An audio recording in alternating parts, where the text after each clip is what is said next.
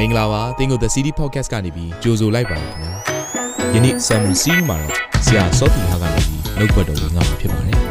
မိမိရဲ့အသက်တာကိုကောင်းကြီးဖြစ်စေမယ်ဘုရားသခင်ရဲ့နှုတ်ဘတ်တော်နဲ့နီလန်းတွေကိုအတူတူကခံယူကြရအောင်ခင်ဗျာ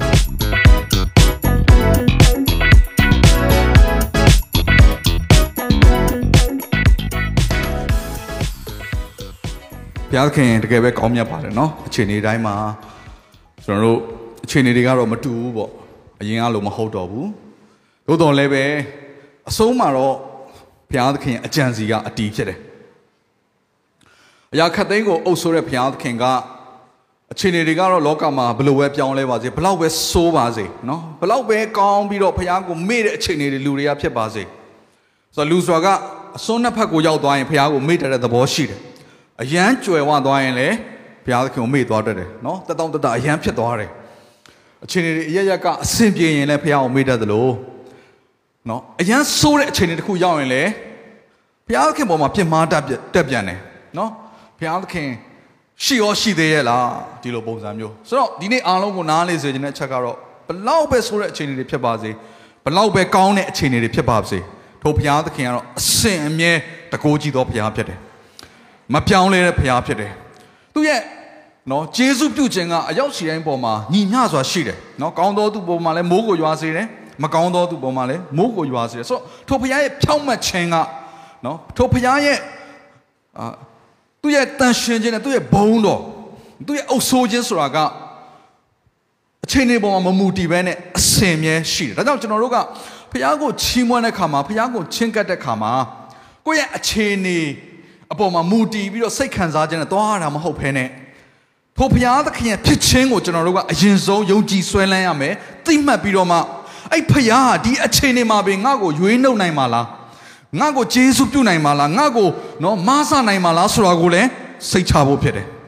ဟေပြိုက်ခန်းကြီး7အငယ်6ကအဲ့ဒီလိုပဲပြောတယ်ဒီအချက်နှစ်ချက်ကိုပဲပြောတယ်နော်ယုံကြည်ခြင်းဆိုတဲ့အရာကနော်ထိုဘုရားသခင်ရှိတယ်ဆိုတာကိုယုံရမယ်ဆိုဘယ်လိုအခြေအနေပဲဖြစ်ဖြစ်အဲ့ဖခင်ငါတို့နဲ့တူရှိတယ်အာမင် နောက်တစ်ခုကဘာလဲဆိုအဲ့ဒီဖခင်ကိုရှာတဲ့လူတွေကိုတဲ့ဖခင်ကအကျိုးပေးနိုင်တယ်ဆိုတာကိုလည်းယုံရမယ်တဲ့အာမင်ဒါကြောင့်ထိုဖခင်သခင်ပေါ်မှာကျွန်တော်တို့ကကျွန်တော်တို့ရဲ့အသက်တာကိုတီဆောက်လိုက်တာဖြစ်တယ်နော်ကျွန်တော်တို့ယုံကြည်တဲ့အရာက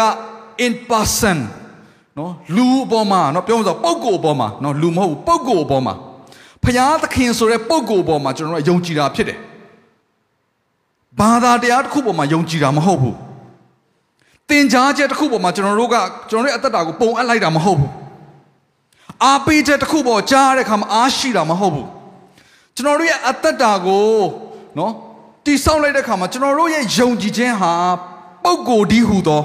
ကဲတင်နိုင်သောဖရားပေါ်မှာကျွန်တော်တို့ကဆက်ကပ်လိုက်တာဖြစ်တယ်အနံလိုက်တာဖြစ်တယ်ကျွန်တော်တို့ရဲ့အသက်တာကုံဆုံးလို့ဒီနေ့တမန်လုံးကိုရောက်သွားရင်ကဲမဲ့အရာကဘာသာတရားတွေမဟုတ်တော့ဘူး အင်္ဂလိပ်လိုဆိုပိုရှင်းတယ် what မဟုတ်တော့ဘူး whom i believe ဘသူကိုငါယုံတယ်လဲဆိုတော့အဲ့ဒီအဲ့ဒီပုံကောကဲမှာသင်ကြားချက်တစ်ခုကကဲမှာမဟုတ်ဘူးအကျင့်တရားတစ်ခုကကဲမှာမဟုတ်ဘူး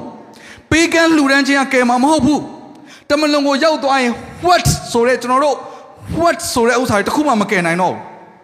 whom I believe to whom I believe ဘသူကိုငါယုံတယ်လဲအဲ့ယုံတဲ့သူကကဲမှာ အဲ့တော့ကိုယုံတဲ့သူကကဲနိုင်တော်သူဖြစ်ဖို့လဲလိုတယ်အာမင်ဟာလေလုယာနှုတ်ကပတ်တော်ထဲမှာတော့ဘုရားသခင်ကတော့နော်ယခုဘဝနဲ့မကောက်နောင်ဘဝအတွက်ပါတမလွန်ဘဝအတွက်ပါထာဝရကာလတိုင်အောင်တာဝန်ယူတဲ့ဘုရားဖြစ်တယ်ရွေးနှုတ်နိုင်သောဘုရားဖြစ်တယ်ပျက်စီးဆုံးရှုံးခြင်းအလုံးစုံတွေကနေပြီးတော့ကယ်နှုတ်နိုင်သောဘုရားဖြစ်တယ်ဒါကြောင့်မို့ကျွန်တော်တို့ဘသူကိုယုံလဲဆိုတာကိုသိဖို့လိုတယ်ကျွန်တော်တို့ကတခါတလေမှာ what နဲ့အလုပ်ရှုံနေတယ် နော်ဟိုတင်ကြားချက်ဒီတင်ကြားချက်ဟိုဖျားเจ้าဒီဖျားเจ้าစသဖြင့်အခြေအနေတွေ what what ဆိုတဲ့ဟာတွေနဲ့တခါတလေမှာကျွန်တော်တို့ဗျာများနေတတ်တယ်ငါယုံကြည်တာဘသူလဲဆိုတော့အဲ့ပုံကိုကိုသဘောပေါက်ဖို့လိုတယ်အာမင်ကျွန်တော်တို့ကကယ်နှုတ်နိုင်သောဖျားကိုယုံကြည်တာဖြစ်တယ်ဟာလေလုယာ။ဒါကြောင့်ဒီနေ့အခြေအနေတွေကောင်းရင်ကောင်းပါပေါ့ဒါပေမဲ့နောက်နေ့ပြောလို့မရဘူး။ဒီကထွက်သွားရင်လည်းပြောလို့မရဘူး။ဘာမဆိုဖြစ်သွားနိုင်တဲ့အခြေအနေမှာကျွန်တော်တို့ကဒီနေ့အသက်ရှင်နေရတာ။ အဲ့တော့ကျွန်တော်တို့ what ဆိုတဲ့အခြေအနေတွေပေါ်မှာနော်အဖြစ်ပြက်တွေပေါ်မှာသင်ကြားမှုတွေအပေါ်မှာမဟုတ်ဘဲနဲ့ငါဘသူ့ကိုယုံကြည်လဲအဲ့ဒါတိတ်အရေးကြီးတယ်ဟာလေလုယာကဲအဲ့တော့အဲ့ဒီဖယားသခင်ကဒီနေ့ကျွန်တော်တို့ရဲ့အသက်တာကိုနော်ဆွဲခေါ်လာတဲ့အခါမှာကျွန်တော်တို့ရဲ့အသက်ရှင်မှုကဒီလောကမှာအမှုမှန်မှန်မဟုတ်တော့ဘူးရည်ရွယ်ချက်ဆိုတာရှိလာတယ်ပြေးရမယ့်ပန်းတိုင်ဆိုတာရှိလာတယ် ကျွန်တော်တို့ကဒီလောကထဲမကဘူးထာဝရကာလတိုင်အောင်ငါတို့ဘယ်ကိုသွားရမလဲဆိုတာသိနေတော်သူတွေဖြစ်တယ်။ဒါကြောင့်ထာဝရကာလတိုင်အောင်သွားရမယ့်ပန်းတုံးတိုင်ကိုသိထားပြီးသားဖြစ်တဲ့ကျွန်တော်တို့ယုံကြည်သူတွေကဒီလောကမှာအသက်ရှင်တဲ့ချိန်မှာအမှုမှန်မှန်မဲ့အသက်ရှင်တာမဟုတ်တော့ဘူး။ရည်ရွယ်ချက်မရှိတဲ့အသက်တာလည်းမဟုတ်တော့ဘူး။ဘုရားခင်နှုတ်ကပတ်ကျမ်းစာထဲမှာရှင်းရှင်းလင်းလင်းဖော်ပြထားတယ်ငါတို့သွားရမယ့်ပန်းတိုင်ပါလေ။ ပေါလုကလည်းငါသွားမယ်ပန်းတိုင်ကိုငါအာယုံပြုတ်ထားတယ်ငါအဲ့ဒီကိုငါရောက်အောင်ပြေးနေတယ်နောက်ဆုံးသူနောက်ဆုံးသူကတော့ထောင်ထဲကနေစာရေးပြီးတော့ယုံကြည်သူတွေကိုမှားတဲ့အခါမှာလဲသူကဘယ်လိုမှားလဲဆိုတော့ဟေးငါတို့ကျင့်တယ်လို့ကျင့်ကြပါငါတို့လည်းယေရှုကျင့်တယ်လို့ပဲကျင့်တယ်ဟာလေလုယာဆိုတော့အတိတ်ဘက်ကပါလဲငါတို့ပြေးရမယ်ပန်းတိုင်ငါတို့ပြေးတယ်နော်ရောက်တယ်နော်မင်းတို့လည်းရောက်အောင်ပြေးကြပါလို့ပြောနေတာဒါကြောင့်ကျွန်တော်တို့ကနော် ဘယ်နေ့ကျွန်တော်တို့ရဲ့အသက်ဝိညာဉ်ကိုယ်ခန္ဓာနဲ့ထွက်သွားမလဲဆိုတော့ကျွန်တော်မသိပေမဲ့ကျွန်တော်သိတာတစ်ခုကတော့ဒီလောကမှာရှိတဲ့အချိန်မှာငါဘယ်ကိုသွားရမလဲဆိုတော့ကောင်းကောင်းသိတယ်အာမင်ဒီနေ့မသိသေးဘူးဆိုရင်ဒီနေ့နှုတ်ကပတ်တော်အားဖြင့်အဲ့ဒီပန်းနိုင်ကိုရှာဖွေနိုင်မယ်လို့ကျွန်တော်ယုံကြည်တယ်ဒီနေ့ကျွန်တော်နှုတ်ကပတ်တော်ရဲ့ခေါင်းစဉ်ကတော့ be perfect ပြည့်စုံတော်သူဖြစ်ပါဆိုတော့ကျွန်တော်တို့ဒီလောကမှာကြားရတဲ့ကျွန်တော်တို့ပြောလို့ရှိတဲ့စကားပါလဲဆိုတော့ဒီလောကမှာပြည့်စုံတဲ့လူတယောက်မှမရှိဘူး မောင်ပြည့်စုံတော့ရှိတယ်ဆရာပြည့်စုံဆိုတာလည်းရှိတယ်ဒါပေမဲ့ကျွန်တော်တို့ဘယ်လိုပြောလဲအဲ့ဒီပြည့်စုံလို့နာမည်မဲ့ထားတဲ့လူအောင်မှမပြည့်စုံဘူးအဲအဲ့လိုပြောလို့ရှိတယ်ဆိုတော့ဒါကတော့ကျွန်တော်တို့ဒီလောကမှာနေတဲ့အခါမှာလူသားဆိုတော့ပျက်စီးတတ်တယ်အဲเนาะကျွန်တော်တို့ဟာအားနည်းချက်တွေရှိတယ်ဆိုတာကိုကျွန်တော်တို့ယုံကြည်သူများပင်လေကျွန်တော်တို့အမှုတော်ဆောင်များပင်လေပြောလေပြောထားရှိတယ်ဒါပေမဲ့ကျမ်းစာမှာကြတော့အဲ့လိုမပြောဘူးအဲ့တော့ကျွန်တော်တို့ရဲ့အသက်ရှင်မှုကိုနှုတ်ကပတ်တော်တိုင်းသွားရအောင်အာမင် နှုတ်ကပတ်တော်ထဲမှာကြတော့ be perfect စုံလင်တော်သူဖြစ်ပါဒီလောကမှာကတော့စုံလင်တော်သူဆိုတာတရားမှမရှိဘူးတဲ့။ဘာကြောင့်မရှိဘူးလို့ပြောရလဲ။ဆိုတော့လူဆိုတာကသူ့အနေနဲ့သူ standard တစ်ခုသတ်မှတ်တာ哦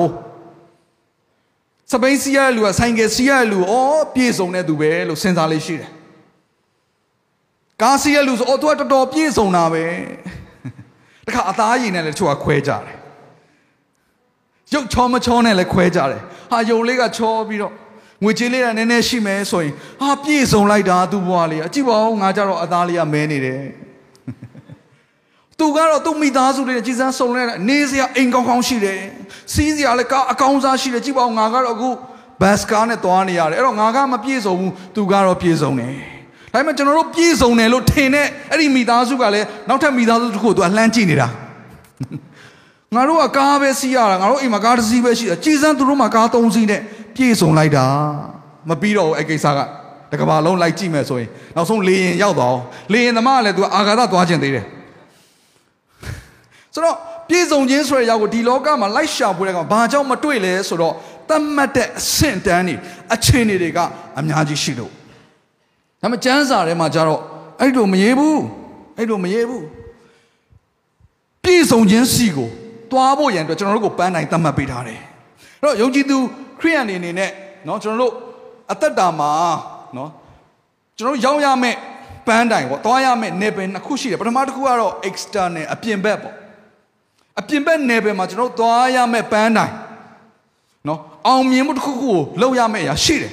ဒါလူတိုင်းရှိတယ်အလုပ်ထဲမှာလည်းရှိတယ်အမှုတော်ဆောင်မှာလည်းအမှုတော်ဆောင်လုပ်ငန်းတွေမှာလည်းရှိတယ်အသင်းတော်တွေမှာလည်းရှိတယ်ယုံကြည်သူတိုင်းမှာလည်းရှိတယ်ဟုတ်တယ်မလားအားလုံးကဒီလောကမှာအလုပ်လုပ်နေကြတာလေ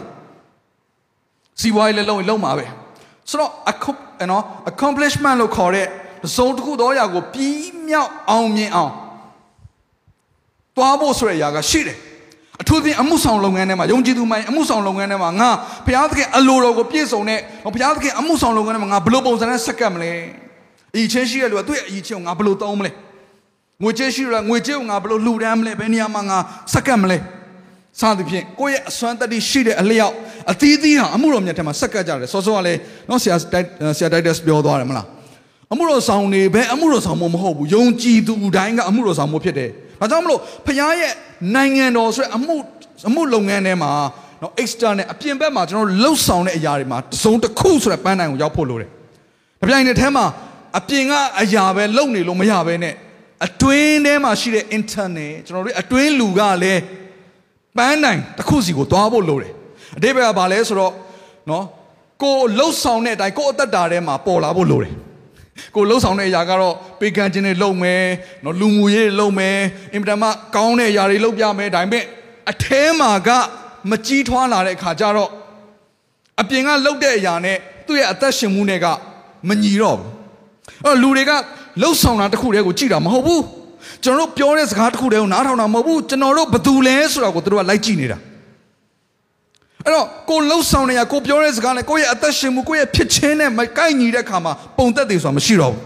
ကြောင့်ယုံကြည်သူတယောက်ရဲ့အသက်တာမှာအပြင်မှာလဲ accomplishment ဆိုတဲ့သုံးတစ်ခုသော goal တနေရာကိုသွား you know ရောက်ဖို့ဆိုတဲ့လှုပ်ဆောင်ခြင်းရှိသလိုတပြိုင်နက်တည်းမှာအတွင်းလူကလည်း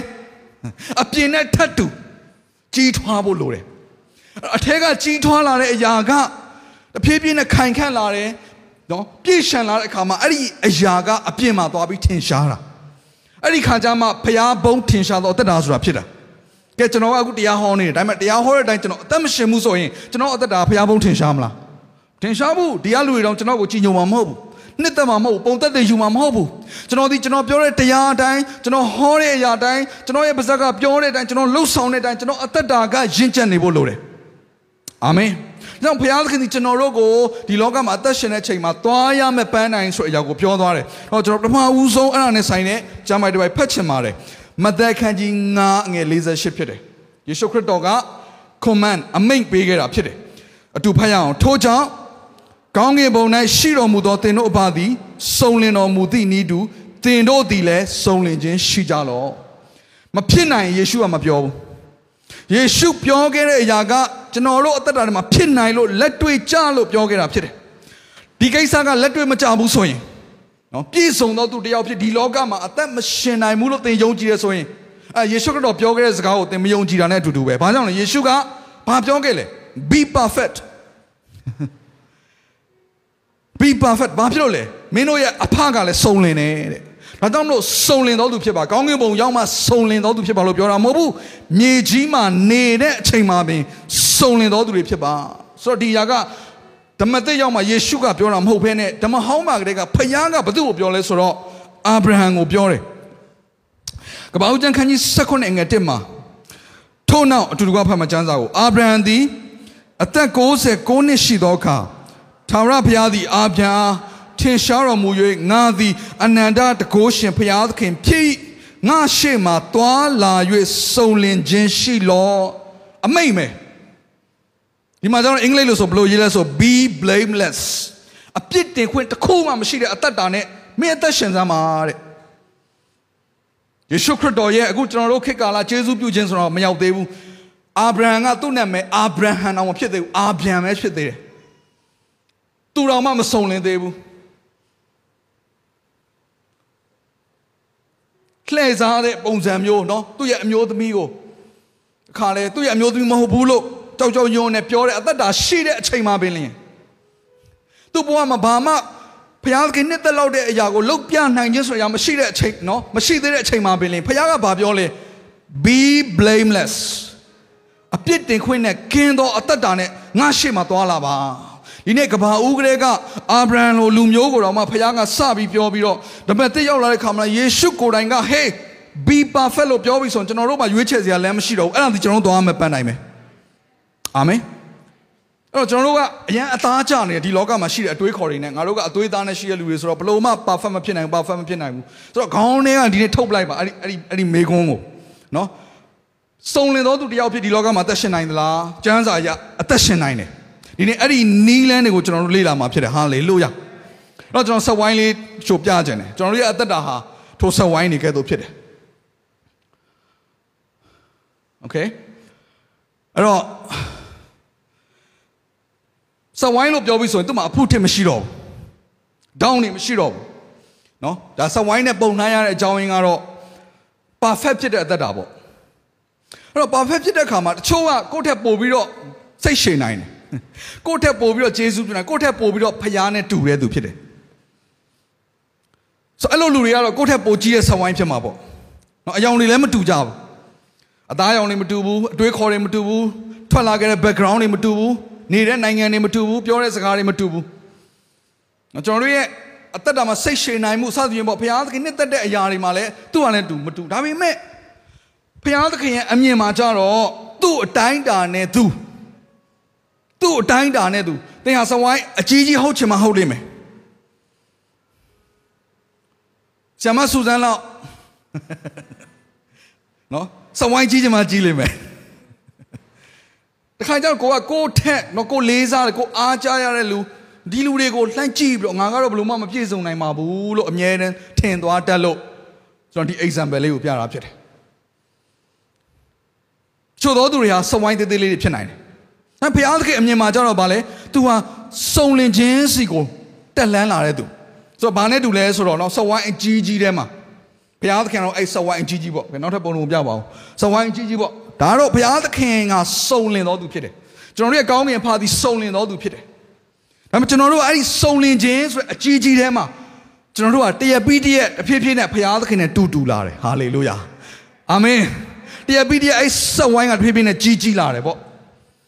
နောက်ဆုံးမှာဘယ်သူနဲ့တူလဲယေရှုနဲ့တူတယ်ဟာလေလုယာကိုနဲ့စကားပြောတဲ့ခါမှာယေရှုနဲ့စကားပြောလိုက်ရသလိုပဲဟာလေလုယာကိုနဲ့တွေ့တဲ့ခါမှာလူတွေကကြမ်းမာသွားတယ်လွတ်မြောက်သွားတယ်အာမင်ယေရှုကိုယသွားတယ်ဝမ်းမြောက်ခြင်းကိုခံစားရတယ်အိုယေရှုကိုမြင်တယ်လို့ပါပဲလားဒါကြောင့်မလို့ခရစ်ယာန်ဆိုစကားလုံးအဲ့ဒီကပေါ်လာတာပဲလေခရစ်တော်တည်တည်လေးတွေဒါပဲတ ပည့်တော်တွေကိုကြည့်တဲ့အခါမှာရှေးဦးခရစ်ယာန်တွေဖြစ်တဲ့တပည့်တော်တွေကိုကြည့်တဲ့အခါမှာလူတွေကဘယ်လိုပဲသတ်မှတ်လဲဟာခရစ်တော်နဲ့တူလိုက်တာယေရှုနဲ့တူလိုက်တာဒါယေရှုရဲ့တပည့်တွေဖြစ်လိမ့်မယ်ယေရှုရဲ့နောက်လိုက်တွေဖြစ်လိမ့်မယ်ဘာကြောင့်လဲသူတို့ကိုကြည့်ရင်ယေရှုကိုတော်တော်မြင်နေရတာတူနေတာဒါပေမဲ့သူတို့ယေရှုလားဆိုတော့မဟုတ်ဘူးယေရှုလိုပြည့်စုံလားမပြည့်စုံပါဘူးဖခင်သခင်ကတော့အပြည့်စုံဆုံးပဲဒါပေမဲ့ကျွန်တော်တို့အဲ့ဖခင်သခင်ပြည့်စုံခြင်းနဲ့မှာတရပိတရကြီးထွားနေတဲ့နော်စဝိုင်းလေးတွေဖြစ်တယ်ဟာလေလုယာအာမင် အခုလိုမျိုးချိန်ကာလမှာစားရင်တောက်ရင်နဲ့ကိုခန္ဓာကတော့ပို့ပြီးတော့စဝိုင်းလိုဖြစ်ဖြစ်လာတယ်။အော်ကျွန်တော်တို့အတွင်းလူကလည်းစဝိုင်းလိုဖြစ်ဖို့လိုတယ်။အာမင်။အဖို့ထင်မရှိတော့ဘူး။ဒေါင်ဂျိုးတွေမရှိတော့ဟာလေလုယာ။တကယ်ကို perfection ။အာမင်။ဒါကြောင့်မို့ကျွန်တော်တို့မဖြစ်နိုင်ဘူးဆိုတဲ့အရာကိုခေါင်းထဲကဒီနေ့ထုတ်ပါ။ယေရှုကပြောပြီးဆိုမှတော့ဖြစ်ကိုဖြစ်နိုင်လို့သူဂျေဇုပြုမှာမို့လို့ကျွန်တော်တို့ကိုပြောနေတာဖြစ်တယ်။တော့ကျွန်တော်တို့ကအဲ့ဒီအရာကိုယုံကြည်ခြင်းနဲ့အရှိကိုတက်လှမ်းဖို့လိုတယ်။နောက်ထပ်ဥပမာလေးတစ်ခုလည်းကျွန်တော်ပြောခြင်းတယ်။ ပန်းသီးလေးတွေနော်ပြောင်းပန်းသီးတစ်လုံးနဲ့တစ်လုံးမတူဘူးနော်အပင်ပုံမူတည်ပြီးတော့ကွဲလာမယ်အယောင်လဲကွဲမယ်ဒါပေမဲ့ဒီပန်းသီးဆိုတဲ့ဒီစားလို့ရတဲ့အရွယ်ရောက်တဲ့ပန်းသီးဖြစ်လာဖို့ရန်အတွက်ဘယ်ကစတာလဲပန်းသီးတသေးလေးကစတာပန်းသီးတသေးလေးကိုကြည့်မင်းပန်းသီးမဟုတ်ဘူးလို့ပြောလို့ရလားမရဘူးဒါပေမဲ့ပန်းသီးလေးကတဖြည်းဖြည်းနဲ့ကြီးထွားလာရင်နောက်ဆုံးမှာ full grown ပေါ့နော်ပြည့်စုံတဲ့အရွယ် စားလို့ရတဲ့အရွယ်ရောင်းလို့ရတဲ့အရွယ်ရောက်လာတဲ့ခါကျမှစွတ်ခိုးပြီးတော့စားကြတယ်မဟုတ်ဘူးလားဒါပေမဲ့အဲ့ဒီအရွယ်ကိုမရောက်ခင်မှာလဲပန်းသီးရပါပဲလဲပန်းသီးပဲဆိုတော့ကျွန်တော်တို့ရဲ့ပြည့်စုံခြင်းဆိုတာအဲ့လိုဖြစ်တယ်အာမင်တချို့ကတော့အခုမှစပြီးတော့သီးတဲ့အစိမ်းရောင်ပန်းသီးလေးတွေပေါ့ဒါပေမဲ့တနေ့ကျရင်စားလို့ရတဲ့မျိုးစေ့ကြပြီးတော့အပင်ထပ်ပေါအောင်မဲ့အသီးတွေဖြစ်လာအောင်ပါပဲဟာလေလုယာ အာမင်ဒါမှဒီနေ့ကျွန်တော်တို့ဒီအသင်းတော်ကဘယ်ကိုသွားမလဲဆိုရင် perfection ကိုသွားရအောင်ဒီမှာရှိတဲ့ယုံကြည်သူတွေဒီနှုတ်ကပတ်တရားစကားကိုကြားတော်သူတွေကျွန်တော်ဒီပန်းတိုင်လေးကိုအားလုံးကိုချပြခြင်းတယ်အရင်တော့ကျွန်တော်ဘာအကြောင်းသင်လဲဆိုတော့ Journey of Israel ကိုသင်တယ်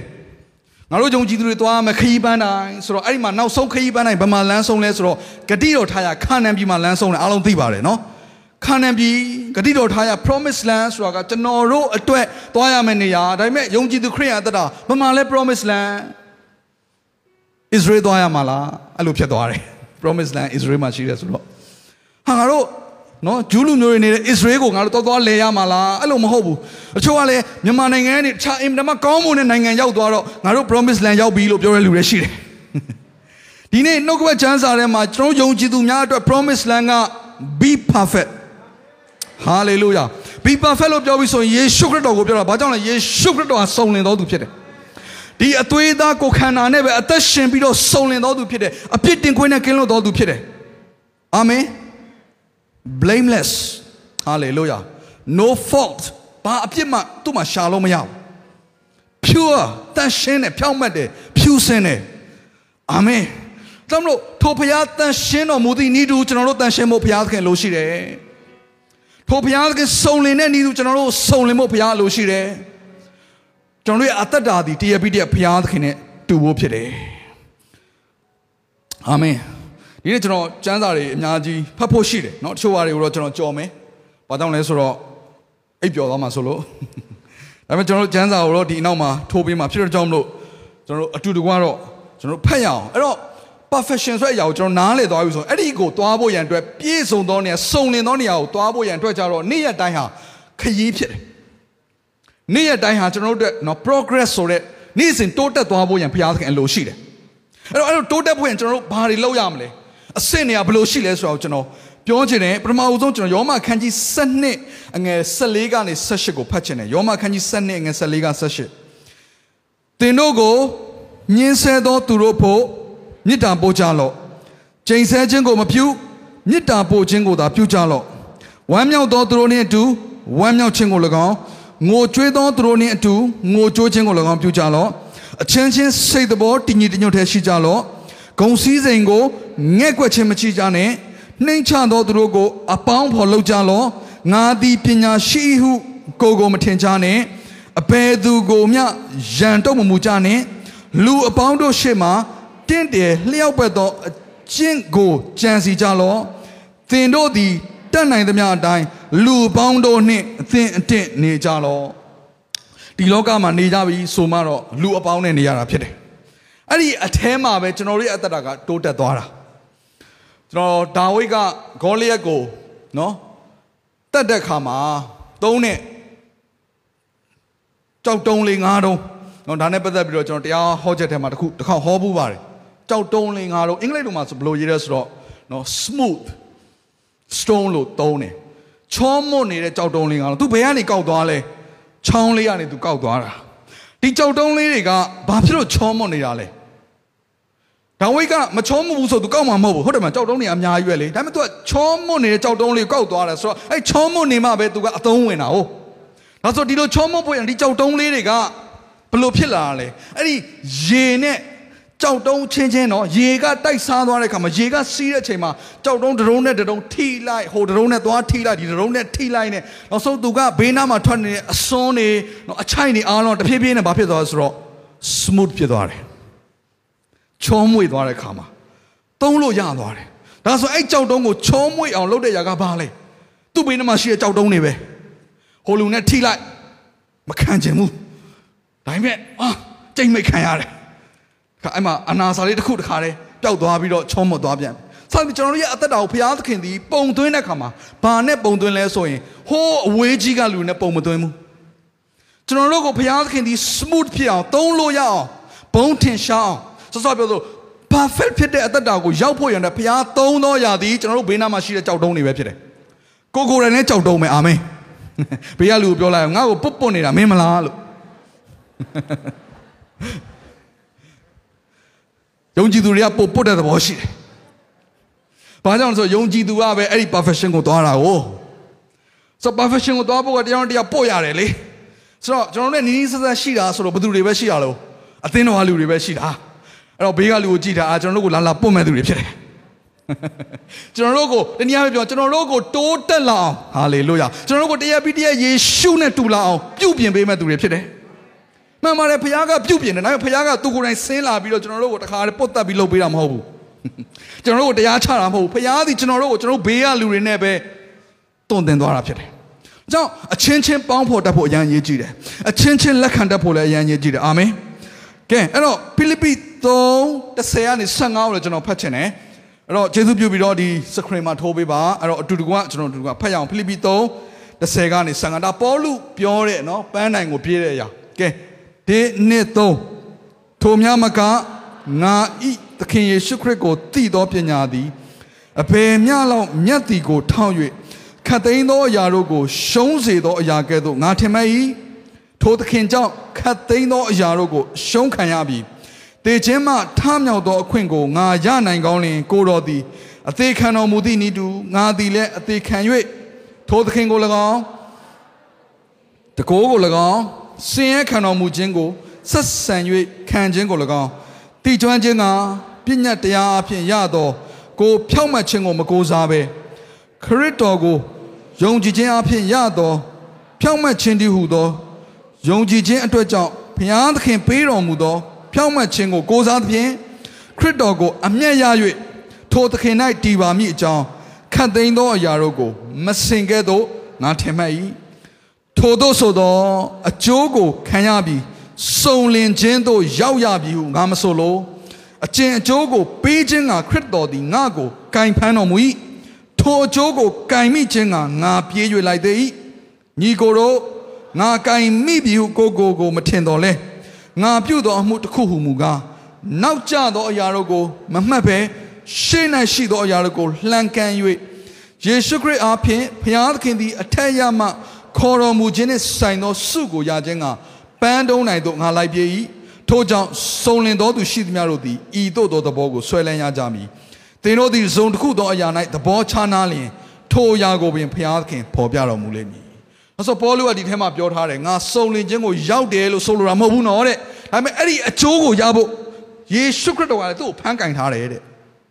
ငါကလည်းအဲ့ဒီအကျိုးကိုလိုချင်လို့ဟိုအနောက်မှာကြံခဲ့တဲ့အရာတွေကိုလုံးဝမမှတ်ပဲနဲ့အရှိမဖျားပေးမဲ့အရာကိုငါမျှော်လင့်ပြီးတော့အဲ့ပန်းတိုင်ကိုငါအရောက်ပြေးတယ်တဲ့။အဲ့ဒါကျွန်တော်တို့အသက်ရှင်ရမယ့်ပုံစံဖြစ်တယ်။အာမင်။ကျွန်တော်နောက်ကိုပြန်လှည့်ကြည့်လိုက်ရင်အများကြီးပဲစိတ်ပြက်စရာဝမ်းနည်းစရာအရှိကိုမဆက်ချင်တော့အောင်ဖြစ်တယ်။ဒါပေမဲ့လေဘုရားသခင်ကျွန်တော်တို့ကင်ထားတော့မယ်။ဟာလေလုယာ။ကျွန်တော်တို့ကလည်းအဲ့ဒီအကျိုးကိုလိုချင်တယ်။ဘာအကျိုးလဲ။ယေရှုနဲ့တူတယ်။အာမင်။ အဲ့ဒီစုံလင်ခြင်းဆိုတဲ့နေရာကိုရောက်အဲ့ဒီပန်းတိုင်ကိုဟိုပေါလုပြောနေကြအဲ့ဒီပန်းတိုင်ကိုပြောနေတာအဲ့ဒီစုံလင်ခြင်းကိုပြောနေတာငါအဲ့ဒီအကျိုးကိုရဖို့ရန်အတွက်ငါကလည်းဖျားကိုငါကင်ထားတယ်ဟိုကြံတဲ့ຢာအားလုံးငါမစင်လို့ငါမှတ်တယ်ကြံတဲ့ຢာတွေကိုငါဘာပဲမလုပ်ရသည်ဖြစ်စေငါကိုလူတွေကမကြိုက်သည်ဖြစ်စေအဲ့ຢာတွေအားလုံးငါဂယုမဆိုင်ဘူးတဲ့ရှုံးစေတဲ့ຢာကဲဆိုငါမှတ်တယ်ဆိုတော့ပေါလုရဲ့ဘဝအသက်တာထဲမှာ तू အမြဲတမ်းဆွဲလန်းပြီးတော့သွားဖို့စဉ်းစားနေတဲ့ຢာကဘာလဲ စုံလင်ခြင်းစီတို့စုံလင်ခြင်းစီတို့ယေရှုပြောခဲ့တဲ့အရာပဲစုံလင်ခြင်းစီတို့ယေရှုခရစ်တော်နဲ့တူဖို့အဲ့ကြီးရင်ချင်းပမာဏစီကိုရောက်လာဖို့ရန်အတွက်ဟာလေလုယာအပြစ်တင်ခွင့်နဲ့ကင်းတော်အသင်းတော်အသရေတင်တဲ့တော်အသင်းတော်တန်ရှင်တော်တော်သမီးအစင်သင်းရှိတော့ဒါဟိုပဲပြောနေတာဒါကြောင့်ဒီယုံကြည်သူများပြေးရမယ်ပန်းနိုင်ပါလေ perfection ပြောကြည့်ပါဦး perfection ဘုရားလူကိုပြောပါစုံလင်တော်သူဖြစ်ပါလို့ဘုရားလူကိုပြောလိုက်ပါဦးအာမင်ကဲတော့ ကျွန်တော်တို့ဒီနေ့လက်တွေ့ကြတဲ့အရာကိုဘုရားသခင်ပြောခဲ့တဲ့ကြောင့်မလို့ဒီနေ့ထိုလက်တွေ့ကြသောရင့်ကျက်ခြင်းစီတို့စုံလင်ခြင်းစီတို့အဆင့်9ဆင့်ကိုကျွန်တော်တို့စပြီးတော့လေ့လာရအောင်ပထမဦးဆုံးဂျမ်းမိုင်တစ်ပိုက်ဖတ်ချင်ပါတယ်နှစ်ပေခန်းကြီး1အငယ်၄ကနေခွန်ဖြစ်တယ်နှစ်ပေခန်းကြီး1အငယ်၄ကနေခွန်ဟာကျွန်တော်တို့ရှောက်ရမယ့်လက်တွေ့လှုပ်ဆောင်ခြင်းအပြင်စုံလင်ခြင်းစီကိုတွားရမယ့်နေရာဖြစ်ပါတယ်ကဲကျမ်းစာကိုဖတ်ရအောင်ထို့သောသောအဖြစ်လည်း အလွန်ကြီးမြတ်၍အဖိုးထိုက်သောဂရိများကိုငါတို့၌အပ်ပေးတော်မူပြီးအကြောင်းမူကားထိုဂရိတော်များကိုအမိပြု၍သင်တို့သည်လောကီတတ်မှတ်ခြင်းအညစ်အကြေးနှင့်ကင်းလွတ်သဖြင့်ဖျားပဂတိကိုဆက်ဆံရသောသူဖြစ်မိအကြောင်းဒီထိုတို့လုံငါသင်တို့သည်ယုံကြည်ခြင်း၌သီလကို၎င်းသီလ၌ပညာကို၎င်းပညာ၌ကာမဂုဏ်ချုပ်တီးခြင်းကို၎င်းကာမဂုဏ်ချုပ်တီးခြင်း၌သီးခံခြင်းကို၎င်းသီးခံခြင်း၌ဖျားဝတ်ကိုပြု၍ငွေ့လျော်ခြင်းကို၎င်း ထိုမွေလျော်ခြင်း၌ညီကိုစုံမက်ခြင်းကို၎င်းညီကိုစုံမက်ခြင်း၌ချစ်ချင်းမေတ္တာကို၎င်းအလွန်ကြိုးစားအားထုတ်၍ထက်ဆင်ကြလောဒီနေရာမှာဗာရေးထားဆိုဖျားပဂတိကိုဆက်ဆံတော်သူတဲ့ဘသူတွေကိုပြောနေရလဲကျွန်တော်တို့ယုံကြည်သူတွေကိုပြောနေတာ partaker လို့ခေါ်တယ်အင်္ဂလိပ်ဆို partaker အခုကျွန်တော်တို့အခုပွဲတော်ယူခဲ့တယ်အဲ့ဒါဘာလို့ partake လုပ်တာယေရှုခရစ်တော်ရဲ့အသွေးတော်နဲ့အသားတော်ကိုကျွန်တော်တို့ဆက်ဆံတာဆက်ခံတာ communion လို့လည်းခေါ်တယ်တလုံးတော့ရတယ်တပေါင်းတစ်စီးလည်းဖြစ်တာအခုကျွန်တော်တို့ကိုဖခင်ကဘယ်နေရာမှာထားလဲဖခင်ပဂတိကိုဆက်ဆံတော်သူတွေဖြစ်တယ်တဲ့ကြည့်နော်အသွေးသားနဲ့ကိုယ့်ကိုမစုံလင်ဘူးဆိုတဲ့လူတွေကိုဖခင်ကဘာပြောလဲဟေးငါ့ကိုယုံကြည်တော်သူတွေဟာတဲ့နော်ငါနဲ့အတူဆက်ဆံတော်သူတွေဖြစ်တယ်ငါရဲ့အစိတ်ပိုင်းဖြစ်တယ်ငါရဲ့အသွေးအသားဖြစ်တယ်ဟာလေလုယာငါနဲ့တူတော်သူတွေဖြစ်တယ်အာမင် အဲ့တော့ဘုရားကအဲ့လိုပြောနေတာကိုကထိုင်ပြီးညင်းနေဘူးမဟုတ်တော့ဘူးဟာမစုံလင်ပါဘူးမစုံလင်ပါဘူးငါအားနေပါတယ်ပြောနေဘူးမဟုတ်တော့ဘူးအဲ့ဒီစုံလင်ခြင်းဆိုငါဘယ်လိုသွားမလဲဒါကိုပဲစဉ်းစားရမှာဟိုငါမစုံလင်ပါဘူးဆိုတာကိုအမြဲတမ်းတွေးနေဘယ်တော့မှစုံလင်မှာမဟုတ်ဘူးဒါပေမဲ့စုံလင်ခြင်းကိုဆွဲလန်းပြီဆိုရင်တော့ဘုရားကကျေးဇူးပြုမှာသေးကြတယ်ရောက်ကိုရောက်မှာသေးကြတယ်မနေ့ကနဲ့ဒီနေ့တင်တူမှာမဟုတ်တော့ဘူးဟာလေလုယာရင့်ကျက်ခြင်းစီကိုရောက်လာမယ်အာမင်ကဲအဲ့တော့ဒီကျမ်းပိုက်အဖြစ်အစစ်80ရှိတယ်ကျွန်တော်ပုံလေးခဏလောက်ကြည့်အောင်အစစ်80နော် ကျွန်တော်သွားရမယ်အစစ်နောက်ဆုံးကဘာလဲဆိုတော့ချစ်ချင်းမြတ်တာ love ဘုရားသခင်ဒီပါလဲချစ်ချင်းမြတ်တာဖြစ်တော်မူ၏နောက်ဆုံးကဘယ်ကိုရောက်မလဲကျွန်တော်တို့ကချစ်ချင်းမြတ်တာဘုရားသခင်နဲ့တူတော်သူတော့ဒီကျမ်းပိုက်ကအစစ်80အဲ့တော့ foundation ကဘာလဲဆိုတော့ယုံကြည်ခြင်းဖြစ်တယ်ပထမဆုံးကျွန်တော်အားလုံးဘာနဲ့စရမလဲဆိုရင်ဒီထိုစုံလင်ခြင်းစီကိုသွားဖို့အတွက်ယုံကြည်ခြင်းနဲ့စရမယ်ဘာနဲ့စရမလဲပြောပါဦးယုံကြည်ခြင်းနဲ့စရမယ် ဟေပြဲခန်းကြီး7အငယ်6ကိုဖတ်ချင်တယ်အရင်ဆုံးယုံကြည်ခြင်းမရှိရင်ဘုရားသခင်စိတ်တော်နဲ့မတွေ့နိုင်အကြောင်းမူကားဘုရားသခင်အထံသို့ချင်းကပ်တော်သူသည်ဘုရားသခင်ရှိတော်မူသည်ကို၎င်းကိုတော်ကိုရှာတော်သူအားအကျိုးပေးတော်မူသည်ကို၎င်းယုံကြည်ရမည်နှစ်တိတစ်ဆက်နှစ်မှာလည်းဒီလိုရေးတယ်ထိုအကြောင်းကြောင့်ဤဆင်းရဲဒုက္ခကိုငါခံရ၏သို့တော်လည်းရှက်ကြောက်ခြင်းမရှိ အဘယ်သူကိုငါယုံကြည်သည်ဟုငါသိသူ၌ငါအပ်ထားသောအရာကိုလည်းထိုနေ့ရက်တိုင်အောင်စောင့်နိုင်တော်မူသည်ဟုငါသဘောကျ၏ဆိုတော့စောစောဟေပြ7:6နဲ့ဒီနှစ်တိတစ်ဆက်နှစ်မှာတူတဲ့အရာနှစ်ချက်ရှိတယ်ပထမတစ်ချက်ကဘာလဲဆိုတော့သူ့ရဲ့ယုံကြည်ခြင်းဟာမဆနိုင်သောကဲတင်နိုင်သောဖခင်ကိုယုံကြည်ခြင်းဖြစ်တယ်စောစောကကျွန်တော်ပြောခဲ့ what ကိုယုံတာမဟုတ်ဘူး who ဘသူ့ကိုယုံတာလဲဒါနံပါတ်1ချက် ပထမဦးဆုံးအခြေအနေနဲ့မဆိုင်ဘူးအဖြစ်အပျက်တွေနဲ့မဆိုင်ဘူးကျွန်တော်နေတဲ့နိုင်ငံနဲ့မဆိုင်ဘူးငါဘသူ့ကိုယုံလဲဒါနံပါတ်1အဲ့ဒါနဲ့စရတာဟုတ်ပြီနော်နံပါတ်2ကဘာလဲအဲ့လိုယုံကြည်သောသူကိုနော်စိတ်ဆွဲလန်းတယ်ထိုဖခင်ကိုရှာဖွေရဆိုရင်ကိုယ့်ရဲ့အသက်တာကိုအနှံ့နေဆိုရင်ထိုဖခင်ကအကျိုးကိုပေးတယ်ဒီနှစ်ချက်ဒီကျမ်းပိုင်းတစ်ခုကိုသေချာပြန်ပြီးစဉ်းစဉ်ကျင်ကြည့်ပါ ဒီနှစ်ချက်ကိုတွေ့ရတယ်နော်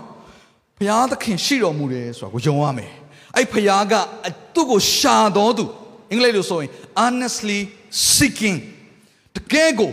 လိုလိုလားလားရှာဖွေတဲ့သူကိုဖခင်ကယေရှုပြုတယ်အာမင်ဆိုကဲနော်ကျွန်တော်တို့ကိုကျေးဇူးပြုမဲ့ဖခင်ကိုနော်ကျွန်တော်ယုံကြည်ပြီးတော့ရှေ့ဆက်မယ်ဆိုရင်ကျွန်တော်တို့ကဘယ်ကိုရောက်မလဲဆိုစုံလင်ခြင်းစီကိုရောက်မှာ အဲ့တော့အရာခတ်သိမ်းကယုံကြည်ခြင်းနဲ့ပဲစရတာယုံကြည်ခြင်းနဲ့မစဘူးဆိုရင်အဲ့နေရာကိုရောက်မှာမဟုတ်ဘူးဒါကြောင့်ဒီနေ့ကျွန်တော်တို့ရဲ့ mindset ကိုပြောင်းအောင်အာမင်ဟယ်လိုစုံစုံလင်လင်များအိပ်ပျော်နေကြလားလို့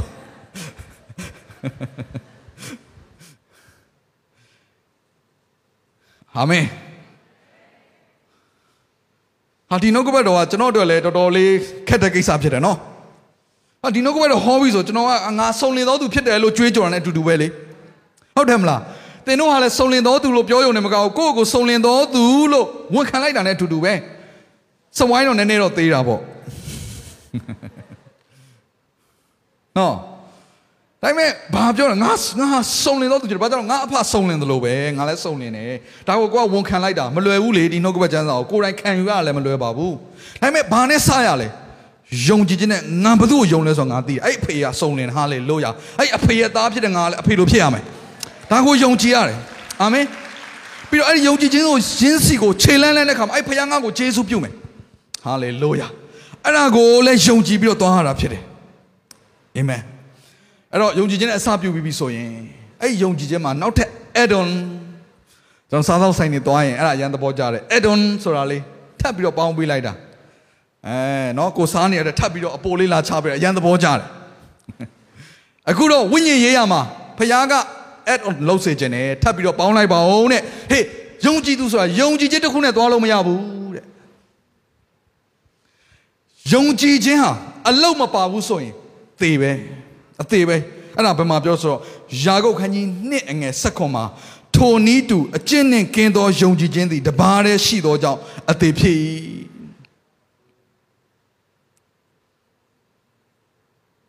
အဲ့တော့သင်ယုံကြည်တယ်ဆိုတဲ့အရာကိုဘာနဲ့စပြီးတော့ခြေလန်းလှမ်းရတယ်သီလနဲ့စပြီးတော့ခြေလန်းလှမ်းရတယ်ဒါကြောင့်ယုံကြည်ခြင်း၌ပါလဲသီလကဲစောစောခုနှစ်ဆင့်လေးပြပါဦးညာယုံကြည်ခြင်းဆိုတဲ့အုတ်မြစ်ကိုအခြေချပြီးသွားရင်သီလဆိုတဲ့အရာနဲ့အသက်ရှင်ရတယ်အဲ့တော့ကျွန်တော်တို့တစ်ခါတည်းမှာထင်မှားလွဲပြီးတော့ယုံကြည်ထားတဲ့အရာကတော့ယုံကြည်ခြင်းတစ်ခုရှင်ရပြီယုံကြည်ခြင်းတစ်ခုရှင်ရပြီ ဒါပေမဲ့သူ့ရဲ့အသက်ရှင်မှုကိုကြည့်တဲ့အခါမှာဘာမှပုံသက်တယ်မရှိဘူးကဲ့ရဲ့စရာအကြောင်းတွေအများကြီးပဲအပြစ်တွေလည်းလုံနေတယ်ဒါပေမဲ့သူကဘာပြောလဲဟာယုံကြည်ခြင်းရှင်ရပြီယာကုပ်ကဘာပြောလဲဟဲ့အကျင့်နဲ့ကင်းသောယုံကြည်ခြင်းဟာတဲ့အသေးဖြစ်တယ်တော့ကျွန်တော်သေနေသောအသင်းတော်တွေသေနေသောယုံကြည်သူတွေဖြစ်ကျွန်တော်ကတော့မမြင်မမြင်ချင်ဘူးဒီအသင်းတော်ကိုသေနေတဲ့အသင်းတော်ဖြစ်မမြင်ချင်ဘူး အသက်ရှင်သောအသင်းတော်အသက်ရှင်သောယုံကြည်သူတွေဆိုရင်ကိုယ့်ရဲ့ယုံကြည်ခြင်းကိုအကျင့်အားဖြင့်ပြဖို့လိုတယ်အာမင်အကျင့်နဲ့ကင်းသောယုံကြည်ခြင်းဟာအသေးဖြစ်တယ်ဆိုတော့အင်္ဂလိပ်လိုဆိုရင်တော့ goodness လို့ရေးတယ်ကောင်းသောအရာပေါ့ဒါပေမဲ့နောက်ထပ်ဘာသာပြန်တစ်ခုကဘယ်လိုလဲဆို excellence excellence excellence လို့ပြောပြီးဆိုရင်ကျွန်တော်ပထမဆုံးသွားပြီးမြင်အောင်နားဘာလို့လဲဆိုတော့ဒန်ရီလာကိုသွားမြင်အောင် ဒန်ရီလာရဲ့အခြေအနေက excellent spirit နဲ့ excellent တကယ်ကိုဟာ share အသက်ရှင်ဖို့ဘယ်လုံးမှမဖြစ်နိုင်တဲ့အခြေအနေသူ့ကိုလာသိမ်းသွားတာရန်သူကလာသိမ်းသွားတာနော်သူ့ရဲ့လူမျိုးကိုတပ်ဖြတ်နှိပ်စက်ညှဉ်းပန်းတဲ့ရန်သူကသိမ်းသွားပြီးတော့အဲ့ဒီရှင်ဘုရင်တွေသူကအမှုဆောင်ရတာကျွန်တော်တို့သာဆိုရင်တော့ပေါ့ပပလေးပဲလှုပ်လိုက်မှာပေါ့ဒန်ရီလာအဲ့လိုမလုပ်ဘူးအကောင်းဆုံးလုပ်တယ်အကောင်းဆုံးဆိုတဲ့အရာပဲဒန်ရီလာစီကပေါ်လာတယ်။ तू ဒါဆို तू အမှုဆောင်နေတာဘာလို့လဲ तू ကြိုက်တဲ့သူမဟုတ်ဘူး။ तू ရဲ့ယံသူဖြစ်တဲ့ရှင်ဘရင်ရဲ့ရှေ့မှာအမှုဆောင်နေတာ။ဒါပေမဲ့ဘာနဲ့အမှုဆောင်နေရလဲ excellent spirit နဲ့အမှုဆောင်နေတာ။ဘာကြောင့်မလို့နော် excellent spirit ကိုဒီတုတ်တန်ကျမ်းမှာတော့ဘယ်လိုဘာသာပြန်လဲဆိုတော့မိမိလှုပ်ဆောင်မဲ့အမှုကိုကောင်းမွန်စွာပြီးစည်းစေတော်သူတဲ့။ထို့သူကရှင်ဘရင်ရဲ့အရှိမမတ်တရရတယ်။တာမညာလူမဟုတ်ဘူး။ရှင်ဘရင်ရဲ့အရှိမမတ်တရရတယ်။အာမင်။ တော့ယုံကြည်သူတွေစီကနေထွက်လာရမယ့်အရာတွေကဘာလဲဆိုရင်အကောင်းဆုံးသောအရာတွေဖြစ်တယ်အချိန်နေကောင်းမှငါကောင်းကောင်းလှုပ်ပေးလိုက်မယ်ငါ့ကိုကောင်းမှငါကောင်းကောင်းလှုပ်ပေးလိုက်မယ်အဲ့လိုမဟုတ်ဘူးစောစောဖတ်သွားတဲ့ကျမ်းစာတွေမှာပါတယ်ပေါလုကဟေးအားနေသောသူတွေကိုလည်းနှိမ်ချပြီးဆက်ဆံလို့မရဘူးနော်တဲ့လက်ခံပါကျွန်တော်ယုံကြည်သူရဲ့အသက်တာဆိုအဲ့လိုပဲအသင်းတော်ဆိုအဲ့လိုပဲအသင်းတော်မှာဟေးချမ်းသာတဲ့လူတွေပဲလာလို့ပြောလို့မရဘူးအဲချောတဲ့လူတွေပဲလာထိုင်မရဘူးအ သင်းတော်ဆိုတာလူပေါင်းစုံလာတယ်။ဒါကြောင့်အသင်းတော်မှာဖနှက်ပြောက်တာတွေရှိတယ်။ကျွန်တော်တို့ခေတ္တကပြောတာကျွန်တော်တို့ခေတ္တကကြတော့နော် home set တွေပါသွားပြီးဆိုအိမ်ထဲမှာအိမ် home set လောက်ရတာဟုတ်ဆိုအပြင်မှာဖနှက်ချုပ်ခဲ့တာ။ဘုရားကျောင်းတွေပါသွားပြီးဆိုအဝမှာချုပ်ခဲ့ရတာလေ။အခုလိုမျိုးဖနှက်တွေပါစီလို့မရဘူးကျွန်တော်တို့ခေတ္တကပြန်ထွက်ပြီးဆိုဖနှက်အစ်စ်ရတယ်။တခါတည်းကိုကနောက်ကျပြီးမှထွက်ရင်တော့ခြေထောက်နဲ့ပြန်ရတယ်အကုန်ရှေ့ကစီးသွားကြပြီ။ ကောင်းတာနဲ့မကောင်းတာအဲ့လိုလဲသွားတာခဏခဏဖဏအသစ်စီးရတယ်ဟုံဆဲသွားရင်ဆိုတော့ဘုရားเจ้าဆိုတာလူအဆုံလာတာကျွန်တော်ယုံကြည်သူဆိုတာကဟာကောင်းတဲ့သူကိုပဲငါပေါင်းမယ်မရဘူးဆိုးတဲ့လူတွေကိုလည်းလက်ခံရတာပဲအာမင်အာမင်ကြောင့်ကျွန်တော်တို့စီကအမြဲတမ်းထွက်နေရမယ့်အရာကောင်းသောအရာပြောပါအောင်ကောင်းသောအရာဟာလေလုယာ ဒုတိယ second step ကိုတွားရအောင် second step ကဘာလဲ knowledge ပညာကဲတော့မင်းဟာတဲ့အကျင့်ကောင်းကောင်းနေနဲ့အသက်ရှင်ုံနဲ့မလုံလောက်သေးဘူးတဲ့ထပ်ပြီးတော့အဲ့တော့နောက်ထပ်ထပ်ပြီးတော့ပေါင်းလိုက်ပါဦးတဲ့ဘာပေါင်းရမှာလဲ knowledge ဘာ knowledge လဲဆယ်ရန်အောင်ကိုလက်မှတ်လားနိုင်ငံခြားသွားတင်ထားတဲ့ဟာလားမဟုတ်ဘူးအဲ့ဒါတခုမှမဟုတ်ဘူးဘာ knowledge လဲ spiritual knowledge ဝိညာဉ်ရေးရမှာပိုင်းခြားနားလေရခရစ်တော်ကိုတည်ကျွမ်းခြင်းပညာကိုပြောနေတာဖြစ်တယ်။ဘာကြောင့်လဲကျွန်တော်တို့ကောင်းတဲ့အရာကိုသာသနာ့ဘလူများပင်လင်ကျွန်တော်တို့ထပ်ပို့လုံနိုင်တယ်။ကျွန်တော်တို့ထပ်ပို့လှူနိုင်တယ်။ကျွန်တော်တို့ထပ်ပို့နှိမ့်ချနိုင်တဲ့လူတွေအများကြီးပဲနော်။ဒါကြောင့်မို့ကျွန်တော်တို့မှန်တယ်ကောင်းသောအကျင့်နဲ့တော့အသက်ရှင်နေဒါပေမဲ့ ပိုင်းခြားနားလေသောဉာဏ်ပညာလည်းရှိဖို့လိုတယ်တဲ့ knowledge လောကီပညာပြောတာမဟုတ်ဝိညာဉ်ရေးရာကိုပိုင်းခြားတဲ့အရာပြောတာဖြစ်တယ်ဖိလိပ္ပိ1ကိုကနေ7ဒါပေါလုရဲ့ဆူတောင်းချက်ဖြစ်တယ်အသင်းတော်ကဘယ်လိုဆူတောင်းပေးလဲယုံကြည်သူကိုဘယ်လိုဆူတောင်းပေးလဲဖတ်ရအောင်ငါသည်အဘယ်သို့ဆူတောင်းသနည်းဟုမူကားသင်တို့သည်ခြားနာသောအရာတို့ကိုပိုင်းခြားစေခြင်းကဉာဏ်ပညာအမျိုးမျိုးရှိလျက်မေတ္တာပါရမီတိုးပွား၍ပြည့်စုံမည်အကြောင်းကို၎င်း ယေရှုခရစ်အားဖြင့်ဘုရားသခင်ဘုံအထရေကို ထင်ရှားစေတတ်သော ဖြောင့်မတ်ခြင်းအကျင့်နှင့်သင်တို့သည်ပြည့်စုံ၍ခရစ်တော်ဤနေ့ရက်တိုင်အောင်စိတ်ကြည်ဖြူလျက်တိမ်လဲခြင်းမှုနှင့်ကင်းလွတ်လျက်ရှိမည်အကြောင်းကို၎င်းငါဆုတောင်းပရဏာပြု၏နောက်ထပ်ကျမ်းပိုင်းတစ်ပိုက်ထပ်ဖတ်ရအောင်ဒါလည်းဆုတောင်းချက်ပဲကောလောသဲ1 9ကနေ10ဖြစ်တယ်ထို့ကြောင့်ငါတို့သည် ကြားရသည့်နေ့မှစ၍သင်တို့အဖို့လုံးကအစင်မပြတ်ဆုတောင်းပရဏာပြုလျက်နေကြ၏ဆုတောင်းသောအချက်ဟုမူကားသင်တို့သည်ကောင်းသောအကျင့်အမျိုးမျိုးတည်းဟုသောအသီးကိုသိခြင်းဖျားသခင်ကိုတည်သောဉာဏ်တိုးပွားခြင်းရှိသဖြင့်၎င်းဝမ်းမြောက်သောစိတ်နှင့်အရာရာ၌သီးခံခြင်းစိတ်ရှည်ခြင်းအလုံးကဘုံကြီးသောတကိုးတော်အတိုင်းခွန်အားနှင့်ပြည့်စုံသဖြင့်၎င်းခမည်းတော်ဖျား၏ဂျေဇုတော်ကိုချီးမွမ်းလျက်သခင်ဖျားနှင့်ထိုက်လျောက်စွာကျင့်၍ အရာရာ၌နှစ်သက်တော်မူစေခြင်းက၎င်းပညာမျိုးမျိုးဓမ္မဉာဏ်မျိုးမျိုးအပြင်အလိုတော်ကိုအကုန်စင်နားလည်ပါမည်အကြောင်းဆုတောင်းပရဏာပြု၏ဒါဆိုဒီခုကျမ်းပိုင်းနှစ်ပိုက်မှာပြောတဲ့ဆုတောင်းချက်ဟာဘာအတွက်ဆုတောင်းပေးနေတာလဲ knowledge of God ဘုရားသခင်ရဲ့နဲ့ဆိုင်တဲ့ဝိညာဉ်ရေးရာပိုင်းဆိုင်ရာမှာပိုင်းခြားနားလေသောဓမ္မဉာဏ်ရဖို့ဆုတောင်းပေးနေတာဒီလောကရဲ့ပညာကိုပြောတာမဟုတ်ဒီလောကရဲ့ပညာ ကျွန်တော်သင်နိုင်တဲ့လူရှိမယ်မသင်နိုင်တဲ့လူရှိမယ်ဒါပေမဲ့ဒီနေ့ယုံကြည်သူဖြစ်လာပြီဆိုရင်တော့ဘုရားသခင်ရဲ့ဉာဏ်ပညာရဖို့ရန်အတွက်သင်ဆုတောင်းလို့ရတယ်ဟာလေလုယာအာမင်ကျွန်တော်အတွက်ကျွန်တော်ရဲ့ဝိညာဉ်ရေးရာခေါင်းဆောင်ဆုတောင်းပေးတဲ့ဆုတောင်းချက်ကဒါပဲကြည့်ရတာကျွန်တော်တော်တော်ညံနေလို့ဖြစ်လိမ့်မယ်ကျွန်တော်ကတော့တခြားဟာတွေပါဆူတောင်းပေးစေချင်တာပေါ့နော်အမြဲတမ်းကျွန်တော်အနည်းဆုံးတော့တစ်နှစ်တစ်ခေါက်ကျွန်တော်နဲ့ကျွန်တော်ဇနီးတွေကသွားသွားပြီးတော့တစ်ခါနဲ့ကျွန်တော်ရဲ့အဝဉ္ဇဉ်ရာ ခေါင်းဆောင်ကိုအမြဲတမ်းစာရီလေးပြင်ပြီးတော့တစ်ခါနဲ့ကျွန်တော်တို့ရဲ့တလားစာလောက်ပေါ့နော်ထည့်ပြီးတော့တစ်ခါနဲ့အမြဲတမ်းဇန်နဝါရီလတရက်နေ့ဆိုရင်ဒါ appointment booking ချိန်ထားပြီးသားအဲ့ဒီကရုံးပေးရလည်းဖြစ်တော့ကျွန်တော်တို့ခဏလေးလာမယ်ကျေးဇူးပြုပြီးဆုတောင်းပေးပါနှစ်ရက်ပထမဦးဆုံးရက်ဖြစ်တယ်ကျွန်တော်တို့အဦးသီးအနေနဲ့လည်းကောင်းကြီးပေးခြင်းနဲ့ဒါပေမဲ့ကျွန်တော်တို့ကောင်းကြီးပေးပါဘယ်နဲ့ချိန်မဲ့တော့သွားဘယ်နဲ့နှစ်ပဲသွားသွားကျွန်တော်ရဲ့ဝိညာဉ်ရဲ့ခေါင်းဆောင်လက်တင်ပြီးတောင်းပေးလိုက်ရင်ဘုရားခင်ဉာဏ်ပညာရပါစေဒါပဲ ဆူတောင်းတိုင်းမှာနှိမ့်ချခြင်းအမျက်ခံစားတယ်ငါတော်တော်ဉာဏ်မရှိဘူးပဲနေ့တိုင်းမှာဉာဏ်မရှိတဲ့ပုံစံဖြစ်နေတာဟုတ်နည်းနည်းပါးပါးပြောင်းလေဆူတောင်းချက်လေးပါတယ်မပြောင်းဘူးဘုရားဉာဏ်ပညာပေးပါစေဒါပဲပိုင်းခြားနာတဲ့သဘောပေးပါစေဒါပဲဆူတောင်းပေးတာနောက်တော့မသွားတော့ဘူးဝေးသွားလို့ပါနော်အခုကမြန်မာပြည်ပြန်ရောက်တယ်ဆိုတော့သွားလို့မရတော့လို့ပါဆိုတော့ကျွန်တော်တို့ယုံကြည်သူတွေဟာဝိညာဉ်ရေးရာဘိုင်းဆိုင်မှာပိုင်းခြားနားလေတဲ့သဘောနဲ့ရှိရမယ်အာမင် spiritual knowledge အဲ spiritual knowledge ရဲ့သဘောတရားကဘာလဲဆိုတော့သူအမြဲတမ်းတိုးပွားနေတယ်ပြောကြည့်ပါဦးဘာဖြစ်လဲအမြဲတမ်းတိုးပွားနေဘာကြောင့်လဲဖခင်ရဲ့ဉာဏ်ဖြစ်နေတာဟုတ်ဖခင်ရဲ့ဉာဏ်ဖြစ်တော့တော့သူကအကုန်ဆုံးသွားရဆိုတာမရှိဘူး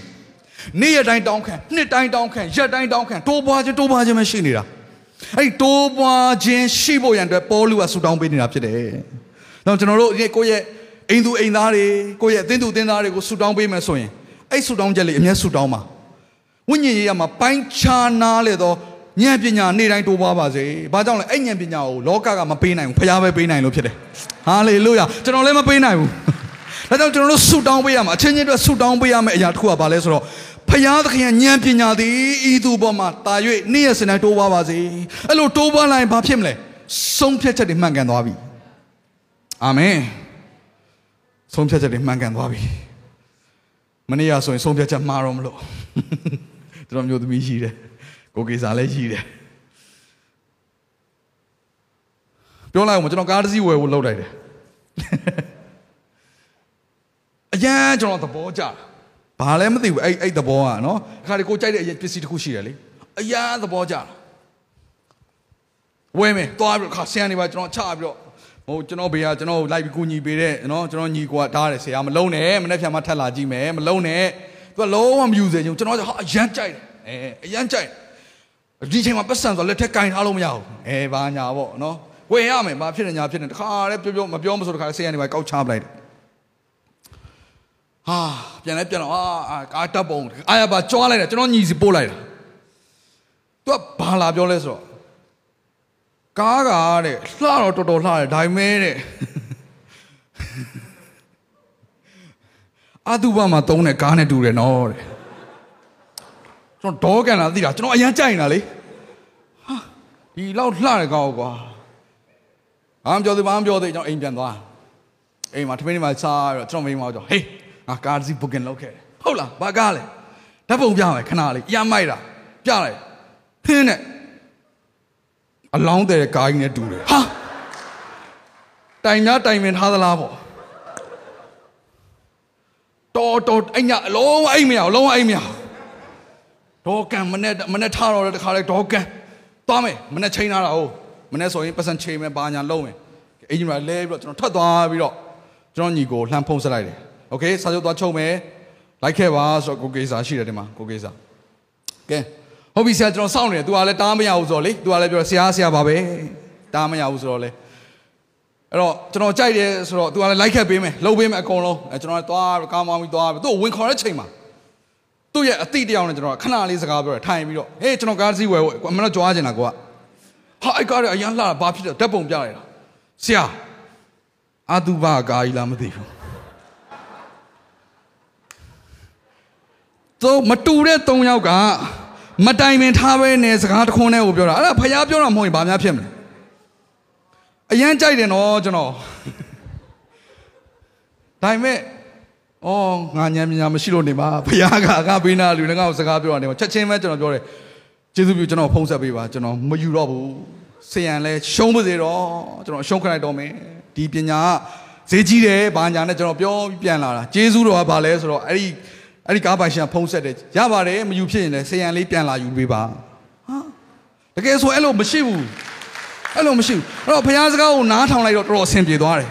ကျွန်တော်ကအမှန်တမ်းပြောအဲ့တယောက်ကဖုံးဆက်တယ်ကျွန်တော်ကိုကိုင်ဝမကိုင်ဘူးကိုင်ဝမကိုင်ဘူးကျွန်တော်မယူတော့ဘူးလေကိုင်ဝမကိုင်ဘူးအဲ့ဒါနဲ့တဆင့်ဖုံးဆက်တယ်ကျေးဇူးပြုဖုံးကိုင်ပေးပါပတ်စံပေးခြင်းလို့ပါတဲ့ဆိုတော့ကျွန်တော်နေ့စဉ်သွားလာလှုပ်ရှားတဲ့ခါမှာငွေကြေးဆုံးရှုံးတာရှိနိုင်တယ်အမှားယွင်းတွေဖြစ်နိုင်တယ်ဒါပေမဲ့ဘုရားကသတိပေးတယ်ဘုံမောက်လားမသိဘူးနော်ဝိညာဉ်ရေးကဘာလို့ပိုင်းခြားနားလည်ဖို့လိုတယ် ဟိုကျွန်တော်က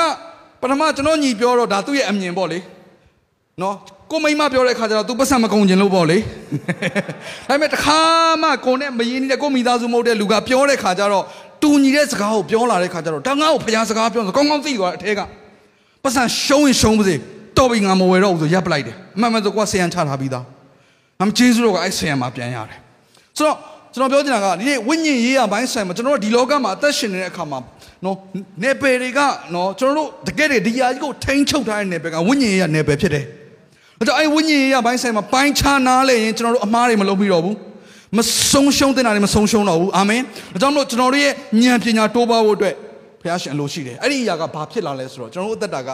ဘုံထင်ရှားသောအသက်တာအသီးသီးသောအသက်တာဖြစ်လာတယ်။အာမင်။ ဟာလေလုယာ။ကြောင့်ဆာလံ119မှာကျမ်းပိုက်၄ပိုက်ရှိတယ်။အဲ့၄ပိုက်လုံးကနှုတ်ကပတ်တော်နှုတ်ကပတ်တော်ဆိုပြီးတော့ဒီကျွန်တော်တို့ကိုတုံသင်ထားတယ်။ဖတ်ရအောင်။ပထမဆာလံ119အငယ်ကိုလူပြိုသည်မိမိသွားသောလမ်းကိုအဘယ်သို့တန်ရှင်းစေနိုင်ပါမည်နည်းဟုမူကားနှုတ်ကပတ်တော်တိုင်းသတိပြုရမည်လူငယ်များသင်တို့ရဲ့အသက်တာမှာအမှားမှန်အားလုံးကိုထိန်းညှိပေးသွားမှာကနှုတ်ကပတ်တော်ဖြစ်တယ်ဒီလောကကသင်ထားတဲ့ပညာမဟုတ်ဘူးအာမင် ဘာကြောင့်ဒီလောကကမှန်နေဆိုတဲ့အရာဘုရားရဲ့အရှိမမှန်ကြမှာမှန်လိမ့်မယ်အာမင်ကဲဒုတိယတစ်ပိုက်အငယ်၁၁ကိုရောကိုမပြစ်မှားပဲနေနိုင်မိကြောင်းဗျာဒိတ်တော်ကိုနှလုံးသားထဲမှာတိုးထားပါပြီတတရားပိုက်တရားငါနှုတ်ကပတ်တော်သည်အကျွန်ုပ်ရှေ့ချေမှာမိခွက်ဖြစ်၍အကျွန်ုပ်လမ်းခီးကိုလင်းစေပါ၏ဟာလေလုယာနောက်ထပ်တစ်ပိုက်နောက်ဆုံး130နှုတ်ကပတ်တော်ကို ဖွင့်ပြခြင်းသည် အလင်းကိုပေး၍မလိမ္မာသော သူတို့ကို လိမ္မာစေတတ်ပါ၏အာမင်အာမင်ဒါမှမဟုတ်ဓမ္မပညာအရာမှာနှုတ်ကပတ်တော်မှာကျွယ်ဝသောသူတွေဖြစ်ပါစေကဲဒါဆိုရင်ဒါဒီလောက်နဲ့ရတာဆိုမရဘူးတဲ့နောက်တစ်ဆင့် that step အဲ့ဒါပါလေ self control ဉာဏ်ပညာတွေတော့ရှိနေပေမဲ့ပိုင်းခြားနားလဲမှုတွေရှိနေပေမဲ့ကိုယ့်ကိုယ်ကိုမထိန်ချုပ်နိုင်ဘူးဆိုရင်ကျွန်တော်ဒီနေ့အိုက်ကားဝယ်ပြီးသွားပြီ သိတယ်ဘုရားပြောနေတာသိတယ်သိတယ်ဒါပေမဲ့ဒီကအယမ်းလိုချင်နေတာအဲ့လိုချင်တဲ့စိတ်ကိုမထိန်လိုက်ဘူးဆိုရင်တော့နော်သွားပြီနော်ကျွန်တော်လည်းဒီနေ့ကျွန်တော်မိမလည်းပြုံးပြောနိုင်မှာမဟုတ်ဒီနေ့လည်းကျွန်တော်ကောင်းကောင်းတရားဟောနိုင်မှာမဟုတ်တော့အဲ့တော့ကျွန်တော်ရဲ့နေ့စဉ်သက်တာမှာလိုချင်တဲ့ຢာတွေရှိတယ်တက်မှတ်တဲ့ຢာတွေရှိတယ် self control အဲ့ဒါမရှိဘဲနဲ့ရှေ့ဆက်လို့မရဘူးအဲ့ဒါမရှိဘဲနဲ့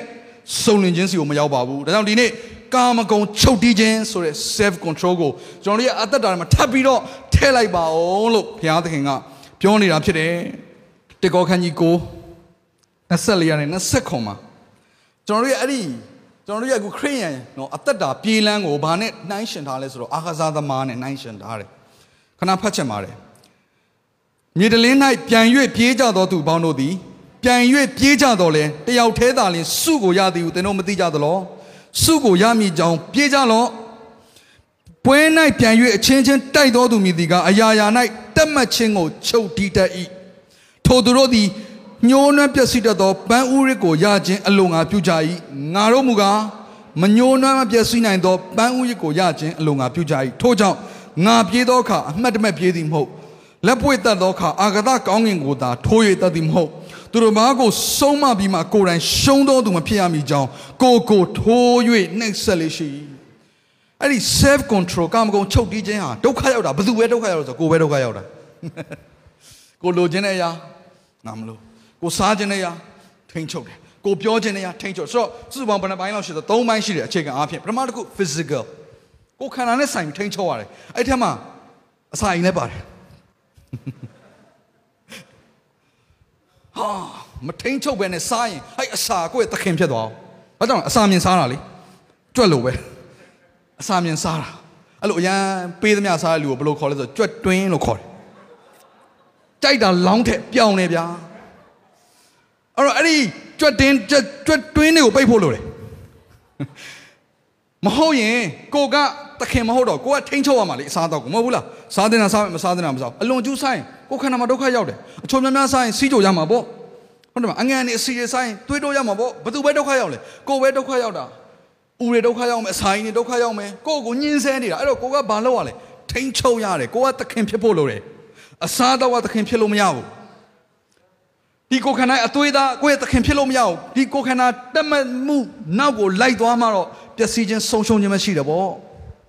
လွန်ကျူးခြင်းတွေဖြစ်ကုန်မှာပေါ့မှားယွင်းခြင်းတွေဖြစ်ကုန်မှာပေါ့အဲ့တော့ physical ဘိုင်းဆိုင်ရာအသွေးသားဘိုင်းဆိုင်ထိန်းချုပ်ရတယ် self control ဒုတိယတစ်ခု thoughts အတွေးခေါ်အတွေးခေါ်ဆိုတာကအခုထိုင်နေနဲ့လည်းကဘာပတ်တယ်ချို့က US ကိုရောက်နေပြီချို့က Australia မှာကျောင်းသွားတက်နေပြီချို့ကအိမ်မှာကြံခဲ့တဲ့ဝက်ကိုတတိရနေပြီ အစာမကြွေးရသေးဘူးဆရာဆုံးကလည်းတရားဟောတာမပြီးသေးဘူးငါဝက်ကြီးကအော်နေပြီလားမသိဘူးအဲ့ thoughts အတွေးခေါ်ကအလကားနေစဉ်းစားပြီးတော့ဒီလူငါ့ကိုမကောင်းကြံတာနေမှာအမှန်တော့သူကသူနေတာကိုယ့်ကိုဒီလူငါ့ကိုမကောင်းကြံတာနေမှာ तू တင်လိုက်တဲ့ပုတ်ဆာငါ့ကိုပြောနေတာအမှန်မှန်တော့သူကသူတင်လိုက်တာဘာမှမဟုတ်ဒီအတွေးခေါ်အတွေးခေါ် self control တတရားတစ်ခုရှာ control လုပ်ဖို့လေ self control မစင်မရှင်ပြောမိပြီးပြီးတသက်စာပဲလူကိုယ်တော်သိစေနိုင်တယ်ဒီရှာကရှာနဲ့ပတ်သက်ပြီးတော့ကျွန်တော်တရားကောင်းကောင်းဟောထားတယ်နားထောင်ကြပါဒီရှာကထိန်းချုပ်ရင်တကိုယ်လုံးကိုထိန်းချုပ်ပြီးသားဖြစ်တယ်တဲ့အာမင် self control ပြန်ပြောမယ်နော်ကိုယ်ခန္ဓာအသွေးသားပိုင်းဆိုင်ရာအတွေးခေါ်ပိုင်းဆိုင်ရာစကားပြောတဲ့နော်အတုံးနှုံးတွေအပြောဆိုတွေအဲ့ဒါကိုထိန်းချုပ်နိုင်ရင်ကျွန်တော်တတရားအဆင့်ကိုရောက်ပြီဟာလေလုယာ အာမင်အာမင်ဒါကြောင့်ယာကုပ်1:26မှာဘယ်လိုရေးလဲဆိုတော့သင်တို့တွင်အကျဉ်သူသည်သီလစောက်တည်ဟန်ပြုတော်လဲမိမိနှုတ်ကိုမချုပ်တီးမိမိနှလုံးကိုလှည့်ဖြား၍ထိုသူလှည့်ဖြား၏ထိုသူ၏သီလသည်အချင်းဤတသက်ဖြစ်၏ဟာအရှိမရှေ့ကရှေ့ကသီလဆိုတာအချောင်းမုံတော့ရှေ့ကဟာတွေရှေ့ကဟာတွေဒါပေမဲ့နှုတ်ကိုမချုပ်တီးဘူးအတွေးခေါ်တွေကိုမချုပ်တီးဘူးအသွေးသားကိုမချုပ်တီးဘူးဆိုရင်တဲ့ သူရှေ့ကကျင့်ခဲ့သမျှကောင်းတဲ့ရာအလုံးအချင်းဤပဲဒါကြောင့်မလို့ဘာအဲ့တော်လုပ်ဖို့လိုလဲကာမဂုဏ်ချုပ်တီးခြင်းကဲနံပါတ်၄မြန်မြန်လေးတွားရအောင်နော်တနားကြီးထိုးကနေပြီဆိုတော့နံပါတ်၄ကပါလဲသီးခံခြင်းပြောပါဦးပါလဲသီးခံခြင်းသီးခံခြင်းအင်္ဂလိပ်ဆိုရင် perseverance endurance ယောမငါတစ်ကနေငါကိုဖတ်ချင်ပါတယ်ကဲကျွန်တော်နဲ့အတူအတန်ကြဲကြဲလေးဖတ်ပေးပါအောင်နော်အားလုံးထက်ကျွန်တော်အတန်ပိုကြံနေသလိုပဲကဲဖတ်မယ်တင်းနှစ်သုံးထို့ကြောင့်ငါတို့သည်ယုံကြည်ခြင်းရှိ၍ဖြောင့်မတ်ရာသို့ရောက်လျင်ငါတို့သခင်ယေရှုခရစ်အားဖြင့်ဘုရားသခင်ရှေ့တော်၌ညီသက်ခြင်းကိုခံစားကြ၏ထိုကျေးဇူးတော်ကိုခံစားသည့်အကြောင်းမှာယုံကြည်ခြင်းရှိ၍ထိုသခင်အားဖြင့်သာခံစားရသောအခွင့်ကိုရကြ၏တို့ဖြစ်၍ ဘုရားသခင်ဘုန်းတော်ကိုမျှော်လင့်၍ဝါကြွားဝမ်းမြောက်ခြင်းရှိကြ၏ထိုများမကဒုက္ခဆင်းရဲကိုခံ၍ဝါကြွားဝမ်းမြောက်ခြင်းရှိကြ၏အကြောင်းမူကားဒုက္ခဆင်းရဲခြင်းသည်သီးခံခြင်းကိုပြုစုတတ်၏သီးခံခြင်းသည်လည်းတက်သေးထင်ရှားခြင်းကိုပြုစုတတ်၏တက်သေးထင်ရှားခြင်းသည်လည်းမျော်လင့်ခြင်းကိုပြုစုတတ်၏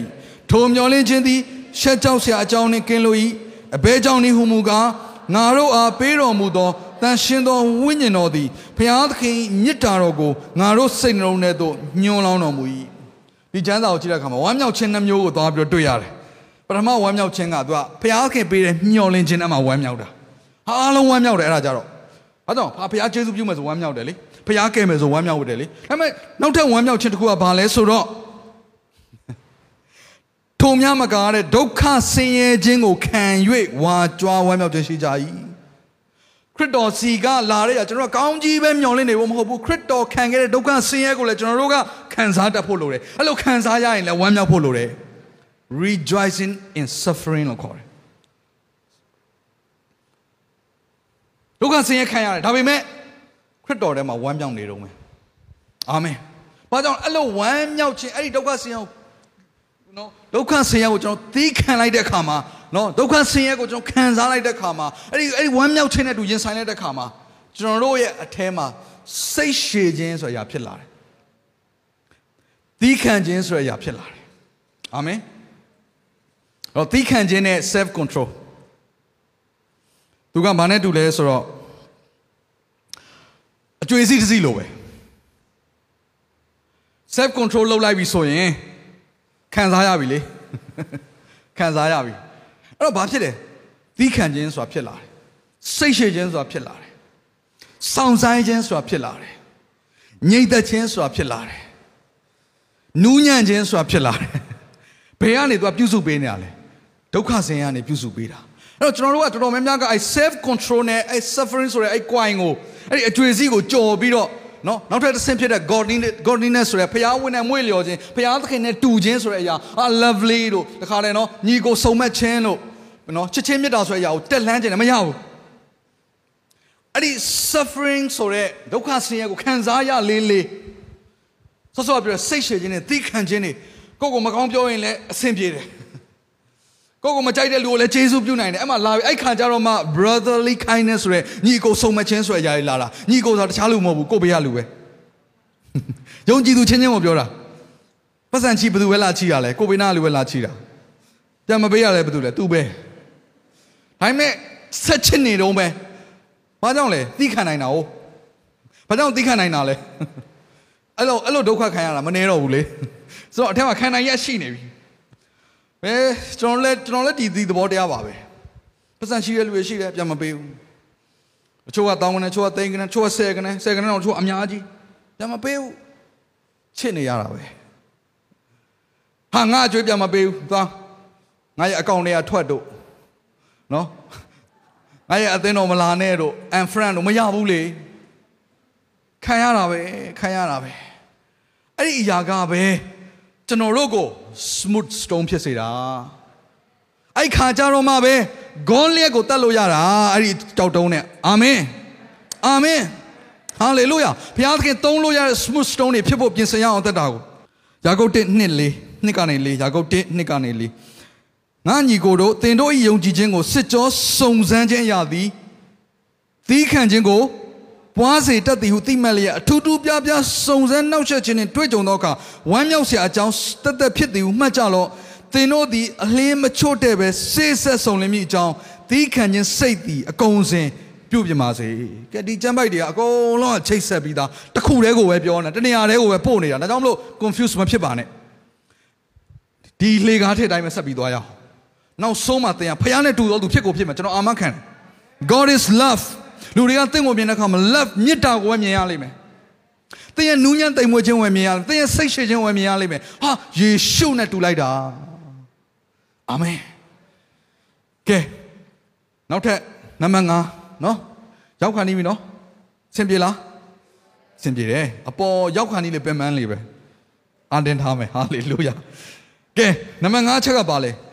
မြန်မာလိုတော့သူကဘယ်လိုဘာသာပြန်လဲဆိုတော့ဖျားဝတ်ကိုပြုတ်၍မွေ့လျော်ခြင်းကျွန်တော်တို့စဉ်းစားရတဲ့အခါမှာဒါအော်ဖျားเจ้าနဲ့ဆိုင်တဲ့ကိစ္စတွေအလူဒါနကိစ္စအဲ့လိုစဉ်းစားမိလိမ့်မယ်အဲ့ဒါတွေမဟုတ်ဘူးအဲ့ဒါတွေကတီလာမကြံခဲ့ပြီသူ godliness ဆိုတာဘာလဲဆိုတော့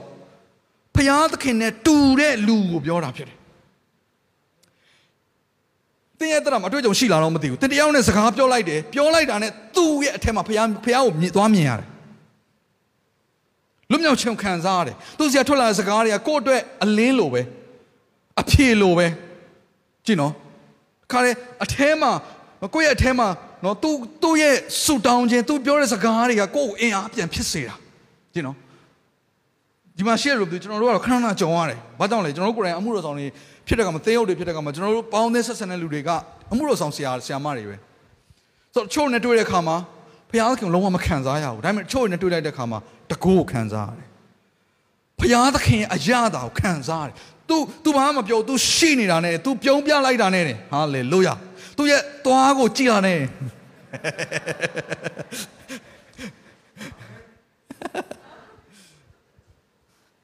ဟာဆရာစောကိုမြင်လိုက်တာနဲ့အထဲမှာတစ်ခုခုကိုခံစားနေရတာပတ်စံချီးကျင်တဲ့စိတ်တွေဘာလို့ဟုတ်အဲ့ဒါပြောတာမဟုတ်ဘူးနော် ကျွန်တော်ဆိုလိုချင်တဲ့သဘောပေါက်မလို့ယုံကြည်တယ်ဖယားကိုဆိုတော့ဒါကိုကျမ်းစာထဲမှာဘယ်လိုပြောလဲဆိုတော့ तू ကအမွှေးအကြိုင်လို့သုံးနှုံးတယ် fragrance နော်ကိုဂျင်းမီရဲ့သချင်းလေးတည်းရှိရနော်ကျွန်တော်ကျမ်းစာဖတ်ချင်အဲ့ကျမ်းစာကြီးလေးကျမ်းပတ်လေးနှစ်ကောနှစ်14နှစ်ကောနှစ်14ငါတို့သည်ခရစ်တော်နှင့်အတူအောင်ပွဲကိုအစဉ်ခံစေခြင်းက၎င်းထိုသခင်ကိုတည်ခြင်းဤအမွှေးအကြိုင်သည် ငါတို့အားဖြင့်အရရတုံနိုင်နှံ့ပြားစေခြင်းကပြုတော်မူသောဘုရားသခင်ဂျေဇုတော်ကိုချီးမွမ်းခြင်းရှိစေတည်းကြည့်ဒီမှာ knowledge of Jesus လို့ခေါ်တယ်ယေရှုခရစ်တော်ကိုတည်ခြင်းအမွှေးကြိုင်စောစောပြောတဲ့ဉာဏ်ပညာစောစောပြောတဲ့ spiritual knowledge စောစောဒီမှာအစစ်မှာပါခဲ့တဲ့ဒုတိယအစစ်မှာပါခဲ့တဲ့ပညာအဲ့ဒါရဲ့အမွှေးကြိုင်တဲ့ဘယ်ကထွက်နေလာတယ်အဲ့စောစောကဒုက္ခဆင်းရဲတွေ self control တွေကိုကြော်ဖြတ်ပြီးသွားရင်ထွက်နေပြီပေါ့ အဲ့တော့အားလုံးကစဝိုင်းနေဖြစ်တယ်အားလုံးကပန်းသီးတွေဖြစ်တော့ကြောင်းမလို့ပန်းသီးတော့ပန်းသီးပဲဒါပေမဲ့နည်းနည်းသေးနေသေးတယ်နော်တိတ်တော့ self control တော့မလုပ်နိုင်သေးဘူးဒါပေမဲ့လှုပ်တော့လှုပ်နေတယ်တရပိတရကြီးထွားလာမှာအာမင်စဝိုင်းတော့စဝိုင်းတော့နည်းနည်းသေးနေသေးတယ်နည်းနည်းသေးနေသေးတယ်ဒါပေမဲ့အဲ့စဝိုင်းကတဖြည်းဖြည်းနဲ့ကြီးလာတော့မှာဘယ်အထိလဲဘုရားသခင်နဲ့တူတဲ့အထိဟာလေလုယာနော်ယေရှုခရစ်တော်ရဲ့ suffering ပေါ့နော်သူရဲ့ ဒုက္ခဆင်းရဲခံခြင်းဟာအံ့ဩစရာပဲသူဒုက္ခဆင်းရဲခံတာဘသူအတွက်ခံတာတော့သူ့ကိုပြစ်မှားတဲ့သူတွေအတွက်ခံတာဆုတောင်းတောင်းပေးသွားသေးတဲ့အဆိုးဆုံးချိန်တွေမှာသူတို့ရဲ့အပြစ်ကိုခွင့်လွတ်ပါမှတ်တော်မူမူပါနဲ့မသိလို့လုံနေတာသူတို့ဘယ်နှယောက်ကကိုယ့်ကိုတတ်နေတဲ့ရန်သူအတွက်ကောင်းကြီးပေးဆုတောင်းနိုင်လဲမတောင်းနိုင်ပါဘူးကျွန်တော်သိတယ်ပို့စေကြည့်လိုက်တာနဲ့ဆုတောင်းတဲ့ပို့တစ်ခုမှမတွေ့ဘူးဆဲတာလေးကြီးပဲမလုံနိုင်ပါဘူး ဒါပေမဲ့တချို့ကမဆဲဘူးအဲစဝိုင်းနေနေကြီးတယ် self control လုပ်နိုင်တယ်ဆိုတော့ကျွန်တော်ပြောဖို့မေ့သွားတယ်သူကရှာတယ်မကဘူး Facebook ပါမှာ self control လုပ်ရမယ်တခုထပ်ထည့်ရမယ်နော် physical ရဲ့ thoughts ရဲ့အတွေးခေါ်ရဲ့နောက်တစ်ခုကဘာလဲရှာရဲ့နောက်တစ်ခုက Facebook ရဲ့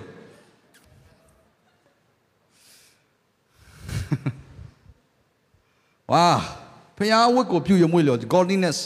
အင်္ဂလိပ်လိုပို့ပြောကောင်းတယ် godliness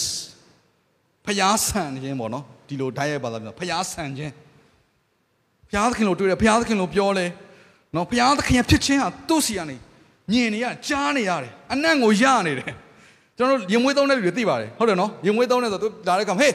ငါကလေ American brand ငါပြင်သစ် brand သုံးထားတာဆိုပြီးတော့ဘေးကဖြတ်သွားပြောစရာမလိုဘူးဖြတ်သွားတယ်ခေါင်းတွေကလှဲ့သွားဟာမွေးလိုက်တာအဲ့ဒါ ရင်မွေးရဲ့အရာသာပဲနောက်တစ်ခုအဲ့ဒီအမွေးအနှံ့ကိုကိုကရဘူးတဲ့ဆိုရင်အတိတ်ကိုပြန်ရောက်သွားတယ်ကြုံဘူးလားမသိဘူးမှတ်မိတယ်အရင်တော့ဟာလေအဲအရင်တော့ရည်စားကိုပြန်မှတ်မိတာတို့အရင်တော့ကိုနေခဲ့တဲ့ရက်ွက်တို့နော်တစ်ပင်တို့လမ်းတို့အချိန်တွေပြန်မှတ်မိတာဘယ်ကမှတ်မိတာလဲအဲ့ဒီအမွေးရနံလေးကကျွန်တော်လူတွေကကိုယ့်ကိုမြင်တဲ့အခါမှာ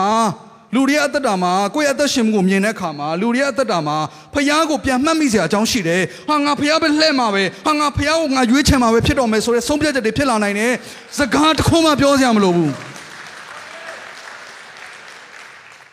အဲ့ဒါအမွေးနဲ့အာမင် godliness အဲ့တော့ကျွန်တော်တို့ရဲ့အသက်တာထဲမှာဘုရားသခင်အမွေးကြိုင်တွေပြန့်ဖို့လိုတယ်ဒါကြောင့်ကျွန်တော်တို့ကနော် အဆဆရာကျွန်တော်တို့နေ့စဉ်အသက်ရှင်မှုမှာ self control နဲ့တကယ့်ကိုနော်မိမိကိုယ်ကိုထိုးနှက်ခြင်းနဲ့သွားရတယ်ဆိုတဲ့အရာက အဲ့ဒီအဲ့ဒီဒုက္ခဆင်းရဲထဲမှာဘာပေါ်လာလဲရွှေကပေါ်လာတာအဲ့ဒုက္ခဆင်းရဲမှာအလင်းကပေါ်ထွက်လာတာဘုရားသခင်ဖြစ်ခြင်းတွေကပေါ်ထွက်လာတာအဲကြောင့်မလို့ဒုက္ခဆင်းရဲခံရလို့စိတ်မပြတ်ပါနဲ့သင်ဟာဘုရားသခင်နဲ့တူတူတူတူလာဖို့ရန်ဘုရားသခင်ကနော်အလကားသက်သက်စုံစမ်းနေတာမဟုတ်ဘူးတူတူလာဖို့ရန်အတွက်အကျိုးအတွက်ကသူကပြင်ဆင်နေတာဖြစ်တယ်အာမင်ကဲကျွန်တော်တို့နဲโอเคဖြတ်လိုက်ရအောင် ဝါဒီကျမ်းမာလေးတော့ကျွန်တော်ဖတ်ချင်တယ်ယူဒယူဒ20ကနေ23ယူဒမှာအခန်းကြီးတစ်ခုပဲရှိတယ်နော်20ကနေ23ချစ်သူတို့သင်တို့သည်မိမိတို့အလွန်တန်ရှင်သောယုံကြည်ခြင်းပေါ်မှာမိမိတို့ကိုတည်ဆောက်လျက်တန်ရှင်သောဝိညာဉ်တော်အားဖြင့်ဆုတောင်းပတနာပြုလျက်ဘုရားသခင်ကိုချစ်ချင်းမေတ္တာ၌ကိုကိုကိုစောင့်ရှောက်၍ထောင်ရအသက်လုံငါငါတို့သခင်ယေရှုခရစ်တော်၏ဂရုဏာတော်ကိုမျှော်လင့်လျက်နေကြလော ပိုင်းခြား၍သိတတ်သောဉာဏ်ရှိ၍အချို့တို့ကိုတနာကြလောကိုကာယနှင့်ညဉ့်ညူးဆွန့်ကွက်သောအဝတ်ကိုပင်ဆက်ဆုပ်ယွန်ရှာ၍ကြောက်ရွံ့ခြင်းနှင့်တကွာအချို့တို့ကိုမိထဲမှဆယ်နှုတ်ကယ်တင်ကြလောဒါကျွန်တော်ရဲ့အတ္တတော်ဘုရားနဲ့တူဖို့ရင် godliness ဖြစ်လာဖို့ရင်လောက်ခိုင်းတဲ့အရာတွေဖြစ်တယ်เนาะအများကြီးလို့ရှိရင်ဒီကျမ်းပိုက်ထဲဝယ်ကျွန်တော်ဒီနေ့ပြောခြင်းတယ် highlight လုပ်ခြင်းတယ်ဟိုဒီကျမ်းပိုက်ထဲမှာပါတဲ့အရာတွေတချို့ကဘာလဲဆိုတော့ကျွန်တော်တို့ရဲ့ယုံကြည်ခြင်းကို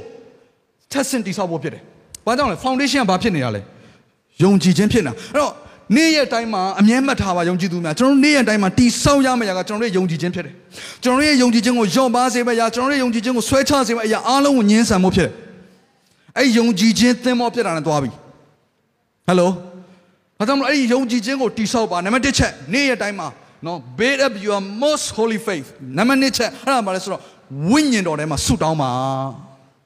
ဆုတောင်းပါ အရှင်တော်ဝိညာဉ်တော်ထဲမှာဆုတောင်းခြင်းဟာကျွန်တော်တို့ရဲ့အတွင်းလူကိုခိုင်ခန့်စေတယ်ဟာလေလုယာအတွင်းလူကကြီးထွားစေတယ်ဘုရားသခင်သဘောသဘာဝကျွန်တော်တို့ကစီးထွက်စေတယ်နံပါတ်3ချက်အဲ့ဒါပါလဲဆိုတော့ကျွန်တော်တို့ရဲ့အသက်တာကိုဘုရားရဲ့မေတ္တာထဲမှာပဲထားပါဆက်လျှောက်ပါဘုရားရဲ့မေတ္တာထဲမှာနေလျှောက်လမ်းပါဘယ်တော့မှတန်တရားမရှိနဲ့ဘုရားရဲ့မေတ္တာအဲ့ဒါအမြဲသိဖို့လိုတယ်ဘုရားကသင်ကောင်းတဲ့ຢာကိုလုံးမချစ်တာမဟုတ်ဘူးသင်ရဲ့ဖြစ်ခြင်းအမှန်တိုင်းဘုရားချစ်တယ် အဲကြောင့်ဘုရားရဲ့မြတ်တော်ဘယ်တော့မှတန်တရားမရှိနဲ့အာမင်အဲ့တော့ဒီအချက်၃ချက်ကဒီအချက်၃ချက်ကသင်ရဲ့အသက်တာထဲမှာဘုရားသခင်နဲ့တူလာဖို့ရန်ကူညီပေးတဲ့အရာတွေဖြစ်တယ်ဘာအဖြစ်ဆိုစောစောကကျွန်တော်ဖတ်တဲ့ကျမ်းပါအဖြစ်ကဲနံပါတ်6ဆင့်အဲ့ဒါဘာလဲဆိုတော့ညီအကိုစုံမတ်ခြင်း brotherly kindness စောစောကလည်းကျွန်တော်ပြောခဲ့ပါပြီညီအကိုဆိုတာဘသူ့ကိုပြောတာလဲရှေးဦးယုံကြည်သူတွေကယုံကြည်သူအချင်းချင်းကိုဘယ်လိုပဲခေါ်ဆိုတော့ brother လို့ပဲခေါ်တယ်ကျမ်းစာဖတ်ကြည့်လိုက် ညီကိုတို့ညီကိုတို့ဒါကြောင့်မလို့အခုဆိုရင်ဒါ brother and church ဆိုတာဒါကိုအစွဲပြုပြီးတော့ brother and church လောက်ထားတာနော်ညီကိုများအသင်းတော်ဆိုတာဘာကြောင့်လဲရှေးဦးယုံကြည်သူတွေကသူအချင်းချင်းကညီကိုမောင်နှမလို့သူကသွားတာနော်မိန်းကလေးဆိုတာမောင်နှမပေါ့နော်ညီကိုချင်းယောက်ျားလေးဆိုညီကိုချင်းချင်းပေါ့ညီကိုချင်းချင်းဒါဆိုရင်ကျွန်တော်တို့ရဲ့အသက်တာမှာချစ်ဖို့ဆိုတဲ့ practice လုပ်ရမယ့်အရာကဘယ်မှာပဲရှိလဲဆိုရင်ကျွန်တော်ပြောမယ်အသင်းတော်ထဲမှာပဲရှိတယ် အဝေးကြီးကလူတွေသွားပြီးတော့အရန်နေချစ်ပြမနေနဲ့ဘူးအရင်ဆုံးကိုဘေးကလူကိုအရင်ချစ်ကြည့်အဲ့ဒါပဲကိုကိုပြောင်လက်စေမှာကိုကိုချောမွေးစေမှာကိုဘေးနားမှာရှိတဲ့ကြောက်တုံးဖြစ်ပါတယ်အာမင်ဒါကြောင့်မလို့အဲ့ဒီຢာကိုမမေ့နဲ့အသင်းတော်ဆိုတာက body တစ်ခုတည်းတယောက်ကိုတယောက် logo လိုနေမှာပဲတယောက်တည်းအသက်ရှင်လို့မရဘူးယုံကြည်သူဆိုတာအာမင်အမှုတော်ဆောင်တွေတယောက်နဲ့တယောက်လိုအပ်နေမှာပဲအသင်းတော်တွေအသင်းတော်တစ်ပါးနဲ့တစ်ပါးလိုအပ်နေမှာပဲအာမင်အာမင် ဒါကြောင့်မလို့ငါကတော့မလိုဘူးဘယ်သူမှမလိုဘူးရတယ်ငါနဲ့ဖရားနဲ့ပဲသွားမယ်ဆိုရင်လွဲပြီသင်အသက်တာသည်ဖရားခင်အသုံးပြုလို့ရတဲ့ချောမော့သောကြောက်တုံးဖြစ်ပေါ်လာမှာမဟုတ်တော့ဘူးဒါကိုသဘောပေါက်တယ်ဒါကိုသဘောဒါကိုသဘောပေါက်ဖို့လိုတယ်နော်ဒါကြောင့်မလို့ညှော်လင့်ထားမယ့်ຢာတစ်ခုလည်းရှိတယ်ကိုယ့်ကိုဒုက္ခပေးမဲ့လူအဝေးကြီးကလူမဟုတ်ဘူးဘယ်သူပဲလဲ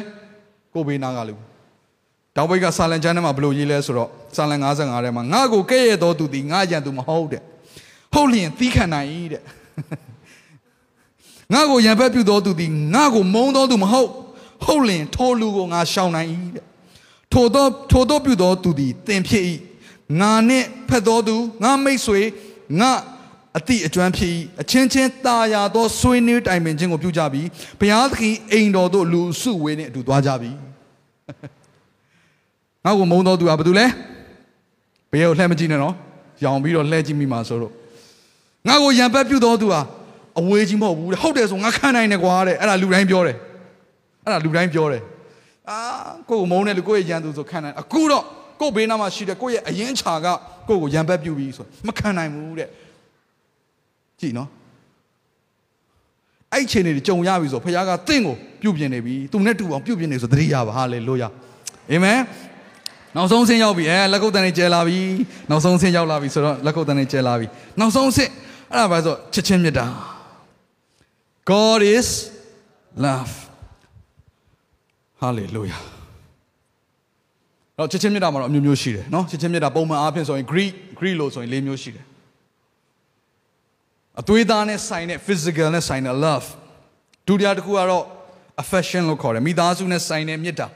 ညီကိုမောင်နှမချင်းချင်းမြတ်တာတတိယတစ်ခုကတော့တငယ်ချင်းမိတ်ဆွေတယောက်တယောက်တန်ရောစင်ရှိတဲ့မြတ်တာမျိုးနောက်ဆုံးတစ်ခုကတော့ agape love ဖရာသခင်ရဲ့မြတ်တာဖြစ်တယ်အဲ့တော့အခုဒီမှာပြောနေတဲ့ love နောက်ဆုံးနံပါတ်9နော်9တီဘာကိုပြောနေရလဲဆိုရင် agape love ကိုပြောနေတာဖြစ်တယ်အဲ့ agape love ကဘသူစီရပဲရနိုင်လဲဆိုဖရာစီရပဲရနိုင်တယ်ဘသူစီရမှမရနိုင်ဘူးမိမတွေကလည်း agape love ဆိုတဲ့အနှိုင်းမဲ့မြတ်တာမပေးနိုင်ဘူးဒါကြောင့်မလို့ကျွန်တော်အခုဆိုရင်ဘာတွေတွေ့နေရလဲအခုခုခေတ်ထီအောင်ရှိသေးတယ်ဘာတွေတွေ့နေရလဲအမွေပြတ်ဆွန့်လွတ်တဲ့အရာတာသမီဖြစ်ကဆွန့်လွတ်တဲ့အရာတချို့ကဆိုမိဘကိုလည်းကိုယ့်ကိုပြန်ဆွန့်တာရှိတယ် ဒီမိဘကကျွန်တော်နဲ့မဆိုင်တော့ပါဘူးအဲ့လိုလည်းရှိတယ်ဆိုတော့အဲ့ဒါတွေကြုံရတယ်ဘာကြောင့်လဲ agape love မဟုတ်လို့ညီကိုချင်းချင်းတဲ့တယ်မတဲ့တဲ့ချိန်လည်းရှိတာပဲတကယ်ချင်းမိတ်ဆွေကွဲကွာတဲ့ချိန်အများကြီးရှိတယ်လင်မယားတွေအခုခေတ်မှာပိုတော်မှကွဲကြသေးတယ် agape love အဲ့ love က agape love God is love ဘသူပဲပေးနိုင်တယ်ဖခင်ပဲပေးနိုင်တယ်ဒါပေမဲ့အဲ့ဖခင်ကသူ့ရဲ့မေတ္တာအသက်တာထဲမှာစီးဆင်းလာဖို့ပြေဝဖို့ဖြည့်ဖို့ရန်သူဘာပြင်ဆင်လဲဆိုဆောဆောပြောတဲ့အဆင့်တွေအားလုံးကိုပြင်ဆင်ပြီးတော့ကျွန်တော်တို့ကိုသူနဲ့တူအောင်ပြုပြင်တာဖြစ်တယ်အာမင်ဒါကြောင့်ဒီအဆင့်တွေကိုကြော်ပြီးတော့ငါဖခင်နဲ့တူတယ်လို့ပြောဖို့ဘယ်လိုမှမဖြစ်နိုင်ဘူးဒီအဆင့်တွေကိုမကြော်ဘဲနဲ့မကြော်ဘဲနဲ့ငါတို့ကတော့ခရစ်တော်ရဲ့နောက်လိုက်တွေဖြစ်တယ်လို့ပြောဖို့ဘယ်လိုမှမဖြစ်နိုင်ဘူးဟယ်လိုသင်ကခရစ်တော်ရဲ့နောက်လိုက်စစ်မှန်သောနောက်လိုက်ဖြစ်တယ်ဆိုရင် ဒီအဆင့်အားလုံးကိုကြော်ကြော်ဖြတ်ရမယ်ဒါပေမဲ့နောက်ဆုံးမှာတော့သင်ရဲ့ပန်းနိုင်ဘယ်ကိုရောက်မလဲ love hallelujah love ဘုရားသခင်ရဲ့မေတ္တာအဲ့ဒီအချိန်မှာယန်သူကကိုယ့်ကိုတတ်ဖြတ်ပြီးတော့မုန်းတီးယွန်ရှာနေရင်လေဘုရားသခင်သူတို့အဖြစ်ကိုခွင့်လွတ်ပါဆိုပြီးဆုတောင်းခြင်းနဲ့ကိုယ့်ရဲ့အသက်ဝိညာဉ်ကိုဘုရားစီကိုအနှံရဲတဲ့တတိမျိုးမေတ္တာမျိုးနှလုံးသားကျယ်ဝန်းခြင်းမျိုးကိုဘုရားကသင်ကိုပေးมาဖြစ်တယ်အဲ့စင်စီကိုတွားရအောင်တွားရအောင် ဒါဟာယုံနှန်းစကားမဟုတ်ပါဘူးညီကောင်မောင်တို့ယုံနှန်းစကားမဟုတ်ပါဘူးတကယ်ဖြစ်နိုင်လို့ဖခင်ကလည်း तू ပို့ခြင်းလို့ပြောခဲ့တာ be perfect ဒါကြောင့်ဒီကျမ်းပိုက်လေးကိုပဲကျွန်တော်ပြန်ဖတ်ခြင်းတယ်ပထမဦးဆုံးဖတ်ခဲ့တဲ့ကျမ်းပိုက်လေးကိုပဲကျွန်တော်ပြန်ဖတ်ခြင်းတယ်နော်မဿဲ9:48ပဲဖြစ်တယ်ထို့ကြောင့်ကောင်းကင်ဘုံ၌ရှိတော်မူသောသင်တို့အပသည်စုံလင်တော်မူသည့်ဤသူသင်တို့သည်လည်းစုံလင်ခြင်းရှိကြလော့အာမင် အာမင်ကဲအားလုံးဒီနေ့ဆုံးဖြတ်ချက်ချပါဒီဆုံးဖြတ်ချက်ချပါဒီနေ့တရားဟောချက်လေးကတော့မစိုးပါဘူးကောင်းတယ်ခွန်အားရတယ်ငါအတွက်လမ်းဆန်းသွားတယ်အဲ့လောက်ဝင်မလုံးနဲ့ဆုံးဖြတ်ချက်ချပါဘာဆုံးဖြတ်ချက်လဲအဲ့လှေကားထစ်တဲ့ငါတက်မယ်အာမင်တက်မယ်ငါတက်မယ်ခရစ်တော်နဲ့တူတဲ့အထိငါသွားမယ်အဲ့ပန်းတုံးတိုင်းကိုငါသွားမယ်နောက်ကရတယ်ကိုငါမကြည့်တော့ဘူးငါသွားမယ်ဆုံးဖြတ်ချက်ချပါကဲတင်ဆုံးဖြတ်ချက်မချနိုင်ဘူးအဲ့လမ်းကြောင်းကိုမသွားနိုင်ဘူးဆိုရင်တန်းစာကအဖြေတစ်ခါတည်းပေးထားတယ်ပြီးပြီဆိုပြီးမပြီးသေးဘူးကြည်အောင် နှစ်ပေတစ်မှာပဲဆက်ဖတ်မယ်ရှစ်ကနေ30နော်အကြောင်းမူကားထိုပါရမီတို့သည်တင်တို့၌ရှိ၍ကျွယ်ဝလျင်စောစောခုနှစ်ခုနော်စောစောခုနှစ်ခုကျွန်တော်ပြောခဲ့ခုနှစ်ခုအာပါရမီထိုပါရမီလို့သုံးထားတယ်အကြောင်းမူကားထိုပါရမီတို့သည်တင်တို့၌ရှိ၍ကျွယ်ဝလျင်ငါတို့သခင်ယေရှုခရစ်ကိုတည်ကျွမ်းခြင်း၌မပြင်းမရည်စေခြင်းက၎င်းအကျိုးမဲ့မဖြစ်စေခြင်းက၎င်းပြုပြင်တတ်ကြ၏ ထိုပါရမီနှင့်ကင်းသောသူမူကားဆော့ဆော့ပြောတဲ့ခုနှစ်စင့်ကိုမလျှောက်ချင်တဲ့လူတွေမလှုပ်ချင်တဲ့သူတွေနော်မသွားချင်တဲ့သူတွေစိတ်ဝင်စားတဲ့သူတွေအဲ့လမ်းကိုမလျှောက်သောသူတွေအဲ့ဒါထိုပါရမီနှင့်ကင်းသောသူများမျက်စိကန်းဤကိုမျက်စိကိုကိုပိတ်ဘုရားလာပိတ်တာလားဘေးရလူလာပိတ်တာလားကိုကိုယ်တိုင်ပိတ်တာမိမိအပြစ်ဟောင်းစေးကြောကြောင်းကိုမေ့လျော်ဤကျွန်တော်ပြောမယ်မယုံကြည်သူတွေပြောနေတာမဟုတ်ဘူးဒီချမ်းပိုက်ကယုံကြည်သူတွေကိုပြောနေတာ မျက်စိကန်းသောသူတွေဖြစ်သွားလိမ့်မယ်တဲ့အကျိုးမဲ့ဖြစ်သွားလိမ့်မယ်တဲ့ကိုမျက်စိကိုကိုပိတ်တဲ့လူဖြစ်သွားလိမ့်မယ်တဲ့ကိုရဲ့အပြစ်ကိုဖျားဆေးကြောခဲ့တဲ့ဆိုမေ့သွားလိမ့်မယ်တဲ့ထို့ကြောင့်ညီအကိုတို့သင်တို့ခံရသောခေါ်တော်မူခြင်းနှင့်ရွေးချယ်တော်မူခြင်းကိုတည်မြဲစေခြင်းကတာ၍စ조사အားထုတ်ကြလောတို့ပြုလျင်ရွေးလျော့ခြင်းနှင့်အစဉ်ကင်းလွတ်တတ်သည်ဖြစ်၍ကျွန်တော်ဒီလောက်နဲ့ပဲဆုံးသက်လိုက်မယ်ခဏလောက်မတည့်ရအောင်ကျွန်တော်ယုံကြည်သူအသက်တာက ခကြီးလန်းဖြစ်တယ်ဆိုတော့သိပါသွားမယ်ပန်းတိုင်ရှိတယ်ဆိုတာကိုလည်းနားလဲပါအကြောင်းမလို့ငါနေ့ရက်တိုင်းမှာဘလို့သက်ရှင်ရမလဲဆိုရောင်ဝမ်းဝါဖြစ်တဲ့ယုံကြည်သူများမဖြစ်ဘဲနဲ့မိမိမျက်စိကိုမြင်မြင်ပိတ်သက်သောပိတ်သောသူတွေမဖြစ်စေဘဲနဲ့ဒီနေ့ငါသွားမယ်ခရစ်တော်နဲ့တူတဲ့အထိကြီးရင်တဲ့ပမာဏစီကိုငါတက်လန်းမယ်ငါအားနေချက်ရှိနေသေးတယ်ဒါပေမဲ့ငါဟာဆက်ဝိုင်းလေးပဲငါဟာပန်းသီးသေးသေးလေးပဲဒါပေမဲ့ငါတရက်မှာတစ်နေ့မှာတကယ်ကို fully grown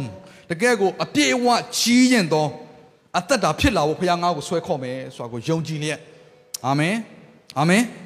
အဘယ်သူငါယုံကြည်လဲဆိုတော့ငါသိတယ်ဟာလေလုယာအဲ့ဒါကိုကိုဝန်ခံစားမှနေ့ရက်တိုင်းမှာငါဘယ်သူကိုယုံလဲဆိုတော့ငါသိတယ်သတင်းဆိုးတွေကြရင်ငါဘယ်သူကိုယုံလဲဆိုတော့ငါသိတယ်ငါ့ကိုကယ်နိုင်တဲ့ဘုရားဖြစ်တယ်ဟာလေလုယာငါအကျိုးအတွက်ပြုပြင်နေတဲ့ဘုရားဖြစ်တယ်ဒါကိုယုံကြည်ပြီးတော့အသက်တာများကိုစက္ကန့်အနိုင်အောင်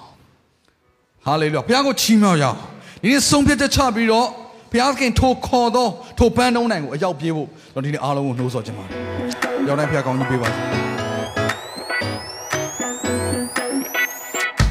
ဒီအစီအစဉ်လေးအပြင်တင်းရဲ့အသက်တာမှာကောင်းကြီးဖြစ်မယ်ဆိုတာကိုကျွန်တော်ယုံကြည်ပါတယ်ဗီဒီယိုကြည့်ပြီးခံယူလို့ဒီများအတွက်အပတ်စဉ်တရားဟောခြင်းများ Bible Study ကြီးမွန်ကိုယ်ွယ်ခြင်းနဲ့အခြားသောအကြောင်းအရာတွေဟာတင်းအတွက်အဆင်ပြေရှိနေပါတယ် YouTube မှာ The City Space TV လို့ရိုက်ထည့်လိုက်တဲ့အခါ ကျွန်တော်တို့ကိုတွေ့ရှိမှာဖြစ်ပါတယ် Subscribe လုပ်ခြင်းအပြင်တင်းနဲ့ထက်ချက်မကွာအမြင်ရှိနေပါပါဒါအပြင် Facebook မှာလည်း The City ရန်ကုန်လို့ရိုက်ထည့်လိုက်တဲ့အခါတည်င်းအချက်အလက်နဲ့ poster တွေကိုအချိန်နဲ့တပြေးညီတွေ့ရှိအောင်မှာဖြစ်ပါတယ်ခင်ဗျာ The City Podcast ကိုနားထောင်ကြတိုင်းဖခင်သခင်ရဲ့ထူကြသောဖွင့်ပြချက်နဲ့ကောင်းကြီးမင်္ဂလာများခံစားရမိကြောင်းကျွန်တော်ဆုတောင်းရင်ဒီ season လေးကိုဒီမှာပဲညံ့နာပါရစေခင်ဗျာ